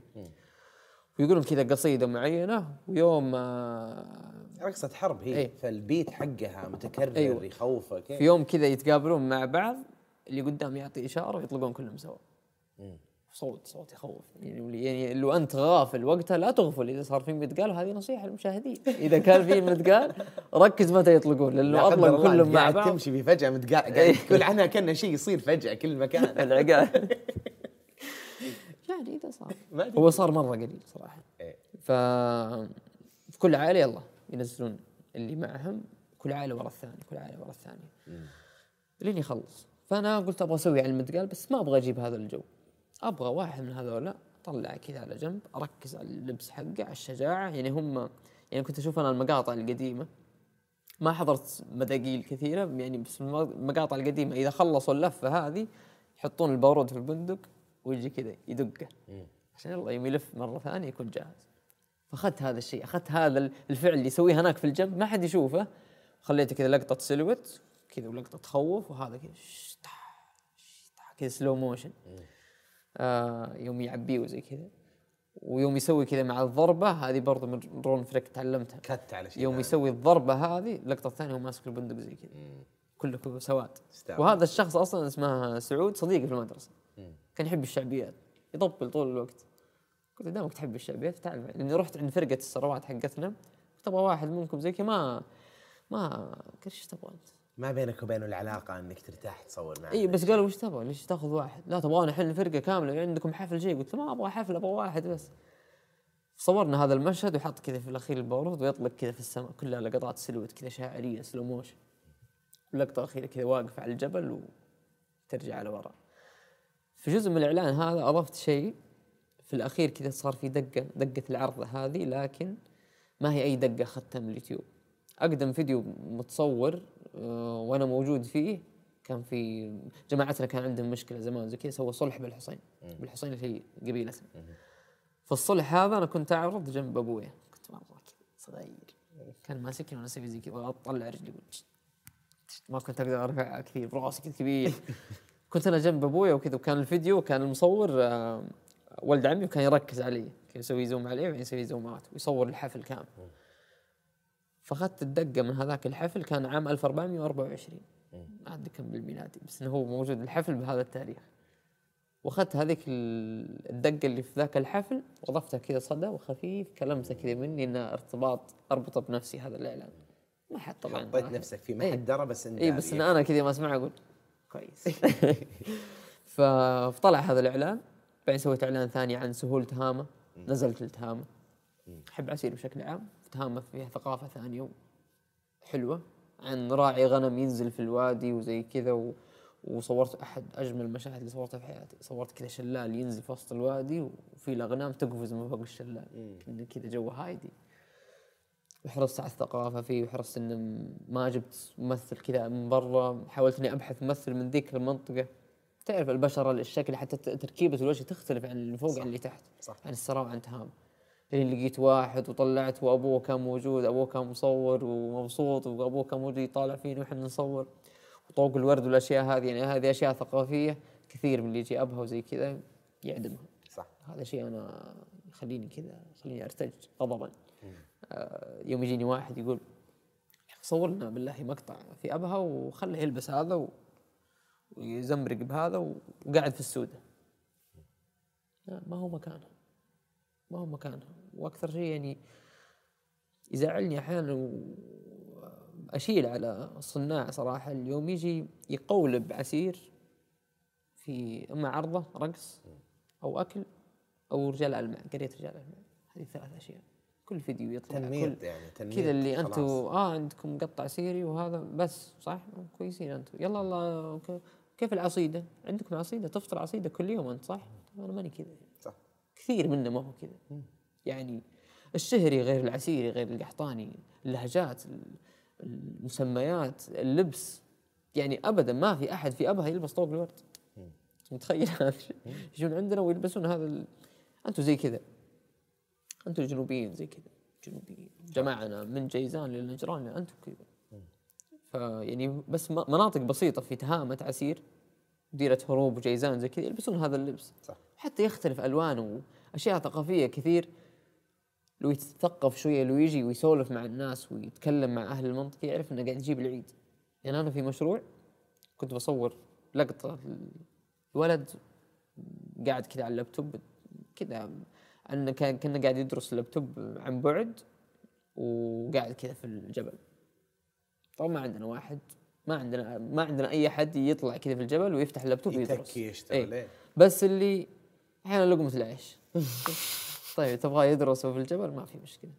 قال خلاص قلت له وش تبغى؟ تبغى جبال السودة ولا تبغى رجال الألمع تفرق. يفرق هنا الأشخاص يفرق هنا الثقافة. من هنا لهنا تختلف. عشان هنا ال outfit والأشياء هذه. قال أبغى السودة. قلت خلاص طيب تمام. بس لبسه هذا ال- الحوكة وطوق الورد. قلت لا لا ما ينفع. يا سعد ال client عشان يكون عنده خيارين. قلت لا ما في خيارين. هذه الثقافة ولا ما ما بعد من ثقافتي أنا. كنت بلبسه ثوب. تبغى اضيف الثقافة بحط له ريحة. ولا أجيب المصنف اللي يلبسونه العسارية يلبسونه كذا وفي العراق. بخليه تحت اللابتوب. لمسه كذا حلو. وعادي إنه يستخدم أحيانا زي كذا يستخدم شال يستخدم. ما ينفع الطوق الورد زي كذا؟ قلت ما أبغى. رفضت أنا قلت تبغى واحد يصور زي كذا؟ شوف لك واحد ثاني. لأنه ما إحنا نزعل كثير على سالفة آه، ال- ال- اللي يطلعون بالإعلانات stock footage لابس شماغ ملبق على جنب والمرزام نايم. ونجي نسويها إحنا بثقافتنا إحنا آه، يعني تزعل مرة. إيه. اللي خلينا نحترم تقاليدنا زي ما هي. ما تب يعني أنت رايح لهذا الشيء سويه بالشكل الصح ولا لا تسويه؟ اي فأنا مرة كذا شديد وصارم على هذا الشيء. ما ما ما أحب إنه يطلع شيء زي كذا ولا أحب ان نتقولب في هذا القالب. يعني يا أخي عسير غنية يا أخي. مليانه مل- مليان. يعني ظهران الجنوب فيها قرية مخيفة. عمران يا أخي كأنها ابراج نيويورك. كذا وباليد مبنية. طين وحجر ويعني يعني البيوت في النماص أحجار كبيرة تنبني منها. في أبها أحجار صغيرة طين ال- ال- الأحجار اللي تجي كذا عشان المطر. شغل هندسي مرستك. عشان كذا أول ما دخلنا قمت تناظر لي في ف الفندق. إيه. في م- يعني مثلا القصبة اللي في أبها هذا أكثر شيء أكثر بناء أحبه أنا في أبها. مع انه ما هو ما هو من, من عندي أنا بالضبط بس إنه عسير بشكل عام. هي مختصة في أبها. القصبه هذا زي زي الحصن عندنا. يعني في كل قرية قديمة في زي الحصن في وسط القرية وفي حصون حول القرية. يراقبون فيها الناس من اللي يجي من اللي يروح وزي كذا. كانت حقت حراسة ما قبل توحيد المملكة وزي كذا. ف في القصبة في أبها البناء حقها كيف إنه أحجار كبيرة كذا تحت يمكن ربع. الباقي طين وأحجار زي كذا. ورا بعض صافه زي كذا طق طق طق طق طق عشان إذا جاء المطر ما يخش على البيت كامل ينزل على الأحجار هذه وينزل على تحت. فكان عندي مشروع كنت أبغى أسويه أبغى أسوي هذه الأشياء أبني وأرسم زي القصبة وزي كذا وفوقها واحد زي كذا كله انيميشن كان كنت أبغى أسوي المشروع هذا مع شدة. بس ما في رسام صمل معي. يعني كل الرسامين يوم أقول له عندي كذا مشاهد في بالي وزي كذا وكنت كذا بجيب أستوحي أشياء من آه ميازاكي في, في Castle in the Sky كنت أبغى أجيب آه عشان كذا أبغى أقول عشان إذا احد سواها أقول ها آه، قلتها قبلك أخذتها خام ها فكنت أبغى أجيب قرية كذا تراثية في نهاية المقطع كأنها Castle in the Sky الفيلم حقي قرية كذا قاعد تطير بين السحاب. يوم يجيني رسام يقول والله ما أسوي. يا ولد يا ما أدري وش وشوف لك رسامين من برا. تكلفة. يا تسويها أنت. تشرحها التفاصيل يعني تبي أحد فاهم ف... فهذا يرجع لنقطة اللي يا أخي عسير مليانة أشياء. مليانة أشياء مليانة ثقافات أكثر من أنها تنحد. أنا ما عندي أي إشكالية مع رجال ألمع. بس الله يوفقهم ويسعدهم. وأنا كلها. أحبهم وأنا صورت رجال ألمع في مش مشاريع كثيرة بس ترانا ما إحنا بس هنا. يعني تخيل العسير هذه الطاولة كاملة هذه رجال ألمع. جزء ما من ناس ولا يعني حتى من من من كل أحد يعني فهمتني؟ ما هو بس الصناع صح. من كل أحد. صح صح. وحتى يعني ال- ال- ال- السياح و يزعل. إي، أتفهمك. بس برضو هذا يعني مثل ما أنت صارم وحاد في الأشياء هذه برضو أحس طيب لك دورك إنك تشتغل عليها وتسوي فيها شيء. عشان كذا رحت أنت سويت تخليد. خذني معاه. آه ليش بديت فيه؟ تخليد. كيف كانت عملية البحث هناك؟ كيف صار التوثيق؟ خصوصا إنك هنا جمعت دروس كثيرة مرة وتعلمت أشياء كثيرة. فبيك تكلمني عن تخليد وعن كيف إنه خلاص جمع كل خبراتك اللي قبل وش ال- الأشياء الدروس اللي تعلمتها من هذه كاملة؟ طبعا يعني أنا من فترة ما عاد سويت أي أي شيء وثائقي صراحة. كنت بس أبغى اول لقمة العيش. أبغى شيء يمشي حياتي وزي كذا كنت أسوي كذا أشياء على جنب أسوي شقتي عندي في أبها وزي كذا. يعني صرت أستعمل التصوير إني فعلا أسوي أشياء اللي عادي ما, ما في أي مشكلة. بس في بالي أبغى أسوي شيء. بس إن شفت اللي أنا ودي بكرة إن شاء الله بسوي بس ما يصير شيء. آه لعل الجامعة أحد الأسباب الرئيسية. كثير تجيني فرص في الرياض ولا ذا طويلة تصويرها. بس ما تقدر. خلاص ما عاد ما عاد بحذف ترم زيادة. إيش يقولون الناس؟ يعني أنا حاذف سنة أصلا. لأني مرة رحت برلين مع السفاره ورجعت على بعد ما بدأ الترم بأسبوعين. جاتني صدمة حضاريه رجعت من Art برلين وزي كذا رجعت الجامعة يعني قلت "أوف، والله ما أقدر كنسلت ما قدرت أجي كسرت الترم. المفروض إني متخرج من زمان بس لسه ما تخرجت. ف في الصيف اللي راح جاني مشروع مع شركة اسمها Threads. Threads هذولا ناس يسوون يقيمون فعاليات ويرتبونها وزي كذا مهتمين بالثقافة و... مهتمين بالثقافة اهتمام حلو صراحة. يعني مو بس يسوون فعاليات لا عندهم مبادئ وزي كذا يحبون يحيونها في كل فعالية. فكان عندهم تعاون مع روح السعودية وزي كذا يسوون في كل قرية قديمة في أبها فعالية. بوثات وأهل القرية يشتغلون في البوثات هذولا والناس يجون كذا يسوون التجربه للأسف إنه ما ما كان كان وقتها غلط خلص الصيف. وما كان في زحمة لأن هذيك القرى بطبيعة الحال مليانة ناس أصلا في الصيف. والمصيفين إذا جو يروحون كل مكان. كل مكان حتى حوشنا في في الديرة يجون عندنا كذا ياخذ لفة من الحوش يمشي. ف في الوقت في الصيف كان بتكون أحسن صراحة. ف قلت إيش تبغون؟ قالوا نبغى زي الوثائقي صغير لكل قرية مقابلة مع أحد الشيبان في القرية ولقطات كذا beauty shot. ف طبعا قبل قبل سنة تقريبا كان عندي مشكلة الدرون إن أنا أحب أصور لقطات درون بس إنه مكلف علي. إني أجيب مصور ب 2000 وزي كذا وكل شيء يعطي 2000 كل شيء يعطي 1500 قررت إني في يوم أشتري درون وأتعلم. أخذتها صدمت بس أول مرة في حوشنا في البيت. بعدها خلاص صرت عاقل. صدمت لانها كانت عكسي. فأنا حسيت اني بلف يمين بدل يسار وزي كذا وضربت في شجرة وطاحت وطلعتها والعشب باقي فيها للحين معي يمشي. بعدها خلاص صرت عاقل أطيرها كأني ألعب بلاي ستيشن قلت آه ظل سهلة زي كذا. ويا ما طلعت وأنسى الذاكرة حقتها. يا أخي ذاكرة صغيرة أنسى منها. دائما أنسى منها. ف في يوم جاء هذا المشروع أنا دائما أحب في كل مشاريع إني أسوي كل حاجة. أستمتع. أستمتع بالتصوير أستمتع يوم أخرج أستمتع يوم أصور أقول يعني بجيبها أربطها أسويها كذا تطلع كويس. وأستمتع يوم أحرر. يعني أغلب الناس ممكن يقول يا أخي التحرير والله قلق. قلق وزي كذا بس أنا أنبسط يوم أشوف كذا الفوتج كامل أقول يلا. نصنع نصنع الآن القصة. كيف أقول قصتي؟ إيه. كيف أبغى الواحد يشوفها متى ابغاه كذا يسمع الصوت هذا متى ابغاه يشوفها من فوق. كنت خلاص في كل قرية اروحها أطير درون أخذ لقطات من الداخل أخذ مقابلة مع أحد الشيبان كذا مقابلة عادية مرة. كذا اللي قريتنا ما أدري وش لا لا لا لا. وكانوا يسوون عرضة كذا في كل كذا واصورها وأدخلها كذا بطريقة حلوة. سويت خمس مقاطع. خمس مقاطع كانت تحديات كذا كل مقطع أبغى يطلع بطريقة ب mood معين. بعدها جو هذول ال Threads قالوا نبغى نسوي فيلم عن القط العسيري. قلت لا. ما أبغى. القط العسيري. خلاص. مستهلك تشوف إنه يعني؟ إي مستهلك مرة. واللي أنا ما ودي. ودي أجرب نفسي في أشياء ثانية. قلت ما أبغى. بعدين جاني خالد مخافة هذا في الشركة. ساعد تكفى نبغى فيلم. قلت خلاص أني بفكر فكرة وأشوف. فقعدت أفكر أفكر أفكر. أنا خلاص الفن نفسه احسه مستهلك في كل شيء مو بس في الصناعة في كل حاجة في كل إعلان في القط. ما أدري وش عندنا في الشوارع واكواب يحطون عليها القط. وهذا ما هو مكانه يعني. يعني هو كفن زي كذا ما تروح تستخدمه في كل شيء. أنا كذا أشوف بصراحه ف هو ما هو يعني بعد البحث حقي اللي سويته للفيلم ما هو ارت كانوا يستخدمون كارت إنه كذا اللي النساء عسير كانوا يزينون بيوتهم لا هم كانوا يعتبرون هذا زينه البيت زي زي البوية الحين زي بناء معماري كذا. كل واحدة بعد ما رحت وشفت البيوت وشفت وقابلت اللي معي في الفيلم إبراهيم الملمعي وراني صور كثيرة اكتشفت إن كل بيت يختلف عن الثاني. ما في رسمة معينة متفقين عليها إن هذه هي آه تسمى البنات هذه الختوم هذه مدري وشو. تخيل في بعض البيوت راسمين طيارات وسيارات وشجر. هم يبغون كذا. كذا هذه بس بس المعروف والأكيد إنه بس النساء اللي كانوا يسوونها. الرجال هم عليهم اللي برا البيت. هو يبني البيت زي كذا والمراه هي اللي آه تزين تزينه. ويزينون بس مدخل الضيوف والمجلس. البيت الباقي ترى ما يحط القط حتى في غرفة النوم. ترى القط له كذا له وزنه وله مكانه.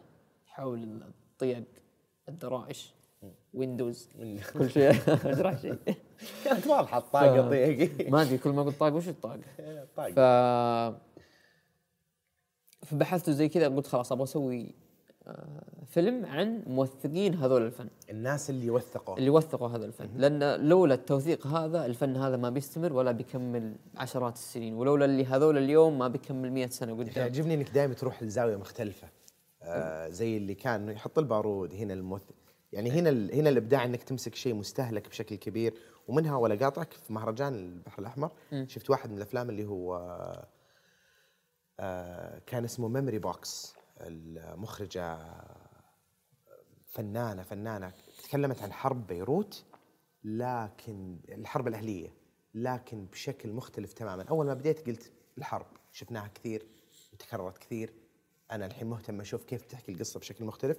لازم تشوف الفيلم. أي كان أي زاوية ثانية. كان صعب إنه دائما صعب إن الموضوع مرة مستهلك كيف إنك تجيبه تجيب من ناحية ثانية. بطريقة ثانية. مم. وكيف إنه يكون كويس. ما هو بطريقة ثانية اللي أي يمشي الحال. صح. لا أنا كنت أبغاه يكون كويس. مختلف. اي فرحت تصور أو صارت القصة عن الناس اللي اي موثقين. تاريخيا كان أول واحد وثق الأشياء هذه وكان مهتم بالقط وصور آه، فاطمة أبو قحاص اللي هي تعتبر رائدة في المجال وهي ما هي إلا من قبلها نساء كثير. أكيد. وهي الوحيدة اللي تصورت. فرحت شفت كتبه. يعني وزارة الثقافة سووا مجهود رائع صراحة من لدي كان ترجموا الكتب حقته كاملة وموجودة الآن كذا في جريرة تنباع كتاب واحد 200 300 ورحت اشتريت ثلاث كتب. صرت كذا أقرأ بسرعة. أبغى أشوف أي معلومات أي شيء يتكلم عن التوثيق هذا وليش وثق هذا الشيء. فلقيت انه كذا أخذت كم نص كذا موجودة من الكتب هو قالها بالضبط. وصرت أبغى أصور مشهد في بداية الفيلم صرت كذا أنا أبدأ أصور زي كذا أجيب فكرة أشوف كيف بتشوف في الفيلم بعدين أشوف فكرة ثانية تكمل القصة نفسها بس إني أبغى شيء لبنة العمل أهم شيء البداية. وأنت تمشي إيه. فهذه واحدة من الطرق اللي أنا مثلا أسويها. ف تيري موجيه خلاص زي كذا ببدأ في تيري موجيه تيري موجيه اللي هو الموثق. إيه الموثق الفرنسي. فقلت أبغى أبدأ يعني أنا أحب هذا الجو في الأفلام الوثائقية يوم يسوون لقطات قديمة وكأنها الآن جديدة إعادة إحياء زي بس بطريقة وأنا كنت دائما أبغى أسويها بس ما ألقى القصة المناسبة إني أسوي هذا الشيء. هذه مناسبة. إيه. فقلت خلاص بجيب لقطة قديمة لباريس وزي كذا هو فرنسي أكيد انه كان من باريس كله فرنسي وأجيب لقطة ثانية لواحد كان شعر أبيض كذا شوية ومكان كذا كلاسيك سويته عندي في البيت. في نفس الوقت قلت خلني أتواصل مع زوجته. زوجته يعرفونها اللي فندق شدا هو موجود؟ وهنا ترجع هو موجود حي توفى في 17 17 أوكي. ف فرجعت رنا قراش من فندق شدا قلت إنه في فندق شدا في صور كثير لتيري موجيه شروها. كنت أبغى أتواصل مع زوجته. أبغى بس أبغى اسالها وين كتب الكتب؟ وإذا عنده صورة وهو يكتب كنت بحط خلاص صورة وهو يكتب بدل ما أصور واحد. ترسلها. ثلاثة أسابيع ما ردت عليه. خلاص أجيب لقطه باريس. باريس أولد 90 في اليوتيوب. كيف القصة هذه كيف اضبطها ف بعدين جانا رد الإيميل. ردت علينا قالت هلا زي كذا. وقالت تيري كان يكتب الكتب حقته في الطائف. أوه. غريبة المعلومة. هذه وهذه صورتين له. سات صورة له هو ماسك أحد الصور القديمة باقي شباب. وصورة قبل ما يموت بفترة كان لا زال في السعودية كان قدامه كتاب كثير قاعد يكتبه. مات ولا زال يكتب أحد آخر الكتب حقته. صور حصرية مرة. مرة. استغربت أنا كذا عطتنا عادي ما طلبت فلوس ما طلبت شيء. تحمست بعدها. قلت تدري بروح أصور في الطائف. وش في أقدم شيء في الطائف؟ الانتر كونتيننتال قديم. طلعت. رحت على جدة ما عندنا رحلات من أبها على الطائف. طلعت على جدة رحت أنا ولد عمي ظافر. شريك. لأنه هو صار خلاص يدرس في جامعة الطائف. آه. ورحنا على جامعة الإنتر. جامعة الإنتر جامعة الطائف الإنتر فندق اللي ما الإنتر. تخرج منها إلا أنت واضح أيوه. ف فرحنا ال Inter نمنا هناك يوم. اليوم الثاني في الصباح. اخذت الكاميرا اخذت لقطات الفندق كلاسيك بشكل فنان، إيه. يخوف يعني هو موجود بالثمانينات. و قلت إذا كان في الطائف وين كان بيسكن؟ هو جاي من برا مع المملكة وزي كذا. وين كان بيسكن؟ أكيد بي كان بيسكن هنا. اخذت لقطات كذا من بداية الفيلم بعدين يبدأ ولد عمي ظافر كان هو كنا تيري موجيه وأخيرا هو شاركني في عمل فعلا. اشتغلتوا مع بعض. إيه. إيه. كان كنا يكتب زي كذا وفي voice over كنا دبلجة. لقد استكشفت منطقة عسير في مدري شو. أنا حبيت إن يكون هذا أسلوب الدبلجة الحلو اللي أنا أحبه في National Geographic إيه. أحب يوم أشوف هذا الشيء. واحيانا أشغله بس عشان أنام. والله. يعجبني كذا. في وثائقيات معينة في بالي أشغلها عشان أرقد. يا أخي يعني ذكرني. أقول لك عن في منصه لقيتها زي Netflix بس وثائقيات. بس وثائقيات. بطلع لك اياها وأرسل لك اياها إنك عشان تعرف تنام زين. أيوه. إيه. ف فش اسمه آه... سوينا هذاك المشهد في الطائف رجعت. يوم واحد. كلفني يمكن ألف تذاكر وزي كذا سكن هناك ب 600 وحاله. بس اللي ولا كتبت حتى في الفيلم ما كتبت هذه ترى في الطائف ولا ترى تيلي موجي كان في الطائف ترى أنا سألت زوجتي بس اللي نفس ما يوم حطيت العرضه حقتي وأنا صغير. صوتي تكفيك إنك. خليته حقيقي. إيه. إيه. بعدها قلت خلاص أبغى رسامة وأبغى شخص ثاني يوثق. من ضمن معارفي في أبها أعرف واحد اسمه إبراهيم الألمعي فنان تشكيلي رهيب مرة ويرسم القط رسم خرافي. يعني اذا أحد قد راح المفتاح شاف في قط عسيري هناك هو اللي راسمه. متقن جدا رسام فنان عالمي صراحة. وعلى الصعيد الآخر يصور صور وثائقيه وتوثيقية. للقط العسيري في البيوت القديمة. يمر على قرى عسير كاملة بيت بيت يمر على قرية كذا كاملة ينزل يمر بيت بيت. إذا شاف قط يصوره. هذا مشروع عنده بس ما حد ما حد قاعد يعطيه وجه ما حد قاعد يقول ترى هذا مهم. يقول لي صورت بيوت أرجع عليها القرى الآن مهدومه طاحت.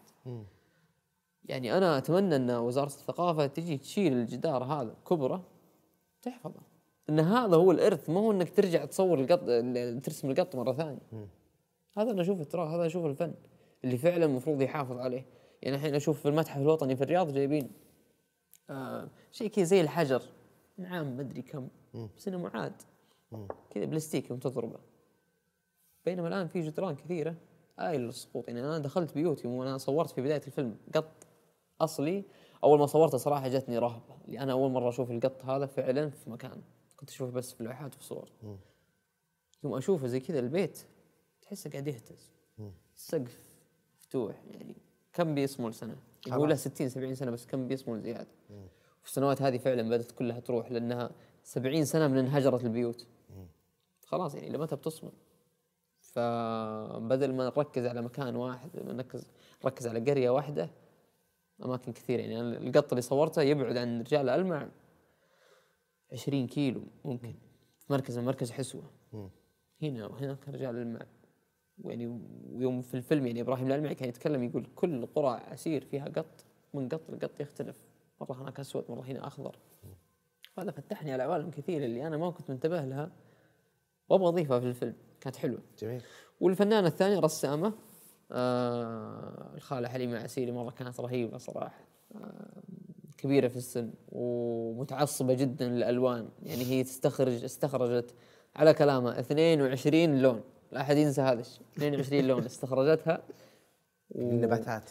إيه من الطبيعة أو من الطبيعة يعني إيه. هذا هذا اللي كان موجود أصلا زال. الحجاره إيه. وال إيه؟ وترسم فيها تلون فيها. ولا ولا مرة تستخدم أنا ألوان. في معرض القط أول ما قابلتها كنت خليني أصور لك لقطة مع الشاشة. في الشاشة فيها لوحات قط وزي كذا. قلت لا لا لا ما تصورني مع الألوان المائية ألوان صناعية لا تصورني معها. صورني مع لوحاتي هذه شفتها ب... بيت فاطمة. أظن يعني هم كانوا يجمعون في الغالب. إيه، بس أنا حبيت إني أضيفها أنها هي أصلية. اي إيه، واللي عجبني رهيبة. هناك كان فيه آه كانوا يتكلمون عن إنه ما هي بس فاطمة الأولى. ما هي فاطمة أبو قحاص. ما هي ما هي لأن بقى حتى أم أم أم فاطمة أبو قحاص وجداتها كانوا يسوون القط واللي ماسكة ال- المتحف الحين اسمها فاطمة. بس هي كانت. تقول إيه؟ فكانت تقول إنه اسمه أصلا المتحف فاطمة مو مسمى على اسمي أنا ولا اللي قبل فاطمة هي المرأة لأنها تفطم ولأنه ال- القط مربوط بالنساء. وكان في وصلت كنت اشوفهم يسوون الألوان ويتكلمون عنها إنه ما تتسوى بالشكل الصحيح إلا بمصادر طبيعية. ما نروح نستخدم ألوان ثانية. صح. ففيها فيها جزء من الطقوس آه، كذا اللي انحفظت بشكل جميل. إيه ف صورت صورت مقابلة. كنت أول مرة أسوي مقابلة وبحاول أنا. يعني كان مشروع القرى سولفنا على القرية بس. ما كان فيه أخذ وعطاء. صرت أثبت الكاميرا وأجلس كذا بجنب الكاميرا وأسولف معه. قبلها نسولف أنا وياها كذا شوية وزي كذا و- وجلسنا. وتقعد تسولف هي في نص التصوير كذا اللي ارتاحت مرة. في واحدة من اللقطات موجودة في الفيلم كذا كانت متكية طول الوقت. قربت قالت الفن آه، القط يا ولدي له له حكاية كثيرة هذه الحالة الجملة يوم قالتها قلت. هاتيهم هاتيهم كلهم ف وهو وفعلا قاعد تعبر عنك داخلها يعني أشياء كثير أنا ما تعلمتها إلا بعد ما سولفت معها في المقابلة. قالت مرة شفت مريت بأبها وشفت لوحة حاطين فيها قط كذا إلكتروني تعبت أسبوع أسبوع قعدت تعبان من اللي شفته. تخيل هي أنا هي تسوي هذا الشيء وهي لوحاتها بديعه بديعه جدا يعني تفاصيل في لوحاتها مخيفة وترسم بس لون أحمر وأسود. أحمر وأسود هذا اللي كان موجود قبل الألوان الأصفر والأشياء هذه ما كانت موجودة ابدا. يعني أما درجات من الأحمر ولا درجات من الأسود؟ كانت رهيبة مرة. وجميل كيف إنك سميته تخليد عن الناس اللي خلدوا الفن هذا مرة مرة مرة ف... رهيب. فبدينا في تيري موجيه بعدين حليمة عسيري تتكلم عن الفن وزي كذا وسويت برضو معها فلاش باك انه قالت أنا يوم كنت انزل الوادي مع أمي كنت ألقط الحجر وأسوي في الحجر حق ذا وأجرب أسوي القط. أمها كانت رسامة قط. فجبت بنت أختي بنت أخوي. وسويتها كذا جبتها في الوادي حطيت عليها spotlight من فوق. كان هذا flashback ال memory حق حليمة عسيري ما تذكر إلا نفسها والحجر اللي قدامها. أي شيء حولها مظلم. بعدين يجي إبراهيم الالمعي يتكلم عن التوثيق حقه ونشوف الصور الارشيفيه أول مرة تعرض صورها. مرة كان كريم معي أعطاني قال استخدم اللي تبغه وفي الأخير نذكر دور إن إبراهيم الالمعي له 30 سنة. وهو يصور ويوثق هذا الفن. حليمه عسيري هي الوحيدة اللي لا زالت تستخدم الألوان الطبيعية. وتيري موجي هو طلعت صورته في الأخير اللي أعطتنا زوجته إنه هو كاتب رحاله فرنسي استكشف عسير في الثمانينات التسعينات الميلادية وكان من أول الموثقين لفن الثمانينات قريب يعني مرة. نهاية الثمانينات وبداية التسعينات. وتوفي عام 2017 ف 2017 تم توثيق القط العسيري في اليونسكو. يوم نرجع ورا فلاش باك في نهاية الثمانينات والتسعينات القط كان كان كان يموت. كان يموت. يعني تيري موجيه راح. أنا هذا الشيء قريته في كتابه. راح تيري موجيه خالد الفيصل وقتها أمير عسير. قال ترى في واحدة اسمها فاطمة أبو قحاص لوحاتها. جدارياتها رهيبه جدارياتها معلش ما كانت تسوي لوحات. فاهتم خالد الفيصل بالموضوع وكان أصلا كان وقتها اعطى access لتيري موجيه وسيارة إنه يسوي اللي يبغى يصور اللي يبغى. فاهتموا بفاطمة أبو قحاص وأخذوا لها واحدة من اللوحات. إيش يعني اللوحات؟ واحدة من الجدران اللي كانت تسويها. أخذوا قسم منها وسواها فنان عراقي في العراق كبر اللوحة هذه وخلاها جدارية الفندق قصر بها ولا زالت اليوم موجودة. فكيف إنه كان على وشك الاندثار؟ وثق. في 2017 توفى ويوم توفى توثق رسمي. خلاص صار في اليونسكو إنه موجود. كانت هذه ال closure حقت الفيلم الختامية. جميل في الأخير يطلع إنه شكرا لكل من صور ورسم ووثق. بفضلكم هذا الفن هذا الفن تخلد وما اندثر. شوف كيف ما كنت متحمس للفكرة بعدين لما اعطيتها أعطيتها كلك لقيت لها مدخل مرة حلو. إيه. وأنت الحين شغال على وثائقي. أنا مشروعي الجاي وثائقي إن شاء. الله عن مستشفى عرقه اللي في الرياض. فوش القصة اللي بتحكيها عن المستشفى؟ وش ال... هذا أصعب شيء صراحة يعني أنا هل في بالك شيء الحين؟ ولا قاعد لسه تستكشف الحمد القصة لله يعني أنا الأسبوع الماضي آه، نزلت إعلان كتبت اللي يا شباب أنا أحتاج هذه المعلومات. اللي يعرف أي معلومات عن المستشفى آه، عنده أي إرشيف للمستشفى أي صحف تكلمت عن المستشفى آه، أي مقاطع قديمة أيام يوم قالوا في جن أي واحد دخل ذاك الوقت يتواصل معي أبغى مقابلة معه. آه، آه، أي أحد من السكان الكويتيين اللي سكنوا ذاك الوقت يعني كان إعلان كذا بشكل عام. عام. أي أحد إيه. قد سمع عن المستشفى يدق عليه. إيه. هذا اللي. بس بطريقة. ف والله جوني ناس. جوني ناس صراحة كويسين جاني واحد من أهل عرقة مهتم مرة بالموضوع وهو من أول ما بنى المستشفى هو عارف إيش قاعد يصير. عنده كل المعلومات. شفت اللي متكي جنب المستشفى ويتفصص في العصر يشوف آه فلان جاء آه وعنده معلومات يعني فعلا هو اختلف الرأي اشتغل ما اشتغل إيش اللي صار بالضبط هو عنده هذه المعلومات. هو اللي كذا قائد الفيلم هو اللي بيقود الفيلم بشكل كويس. وهو اللي أكد فعلا إنه أشتغل المستشفى. لا المستشفى كان فعلا فيه تخصصي كان شغالين فيه وكان يعني هذه بس معلومات كذا مرة اللي أنا لسه ما عرفته ما قد تعمقت زيادة وفصلتها. اشتغل وفعلا الكويتيين يوم جو سكنوه في السكن حق ال- المستشفى. هذا برضو مشهد راح. يعاد تصويره يعاد ممكن تصويره بطريقة أما animation أو صدقي. يعني حتى جانب ال animation زي كذا هو دائما في بالي لأن أنا مرة أحب قبلي وأحب الأفلام اللي يسويها واحب أحب الإحساس السينمائي في ال animation من أيام أول ما شفت رانجو والتصوير هذاك. أحب إني أحيانا أضيفه. وشفته في وثائقيات ك reference حلو جميل. وجوني ناس من اللي دخلوا في 2011 و10 قالوا والله إحنا ذاك الوقت وعندنا لقطات. تبغى كنت تبغى تطلعون في مقابلة قال أيوه نبغى نسولف. كويس. الثمين واهات الوضع. فلسه أنا قاعد أبحث زيادة. لسه محتاج أرشيف كويس من يعني بتواصل مع التلفزيون السعودي قناة ذكريات عندهم أرشيف كويس. يعني يبغى لها كذا وقت. تسوي وش هدفك من الفيلم؟ آه هدفي من الفيلم الأساسي آه، timeline كامل من أول ما بدأ المستشفى لين انتهى هذا اليوم بحيث إنك أنت يوم تشوف الفيلم هذا تقول آه كذا الوضع. بس فيه في لمسات وزي كذا حلوة سينمائية تحمس. فأنت رايح نفس مساحة ال- الوثائقيات اللي فيها ال mystery والغموض وال أي يعني ال- ال reference حقي اسمها مسلسل في نتفلكس اسمه Unsolved Mystery يجيب لك قضية كذا بعدين في الأخير يقول والله، بس ما نعرف إيش اللي صار. هذا اللي. نعرفه إيه. اللي يعرف يتواصل معي فأنا هو زي كذا يعني فعلا ترى هذا اللي نعرفه. أنا ال client اللي أنا شغال معهم قالوا ترى إحنا ما نعرف أغلب الأشياء. فانت إيش رأيك؟ ومتى متى بتبدأ تصور؟ أنا مخطط إن شاء الله على يناير. يناير تبدأ تصور؟ يناير بجلس في الرياض أبو أسبوعين ثلاثة أصور الله يجيبك. زي كذا. راجعين الرياض. ف بس هذا يمكن المشروع اللي أنا ناوي عليه. مره مرة الصراحة انبسطت ان قعدنا سولفنا يعطيك العافية حبيبي. الله يعافيك. يعطيكم العافية. شباب شكرا.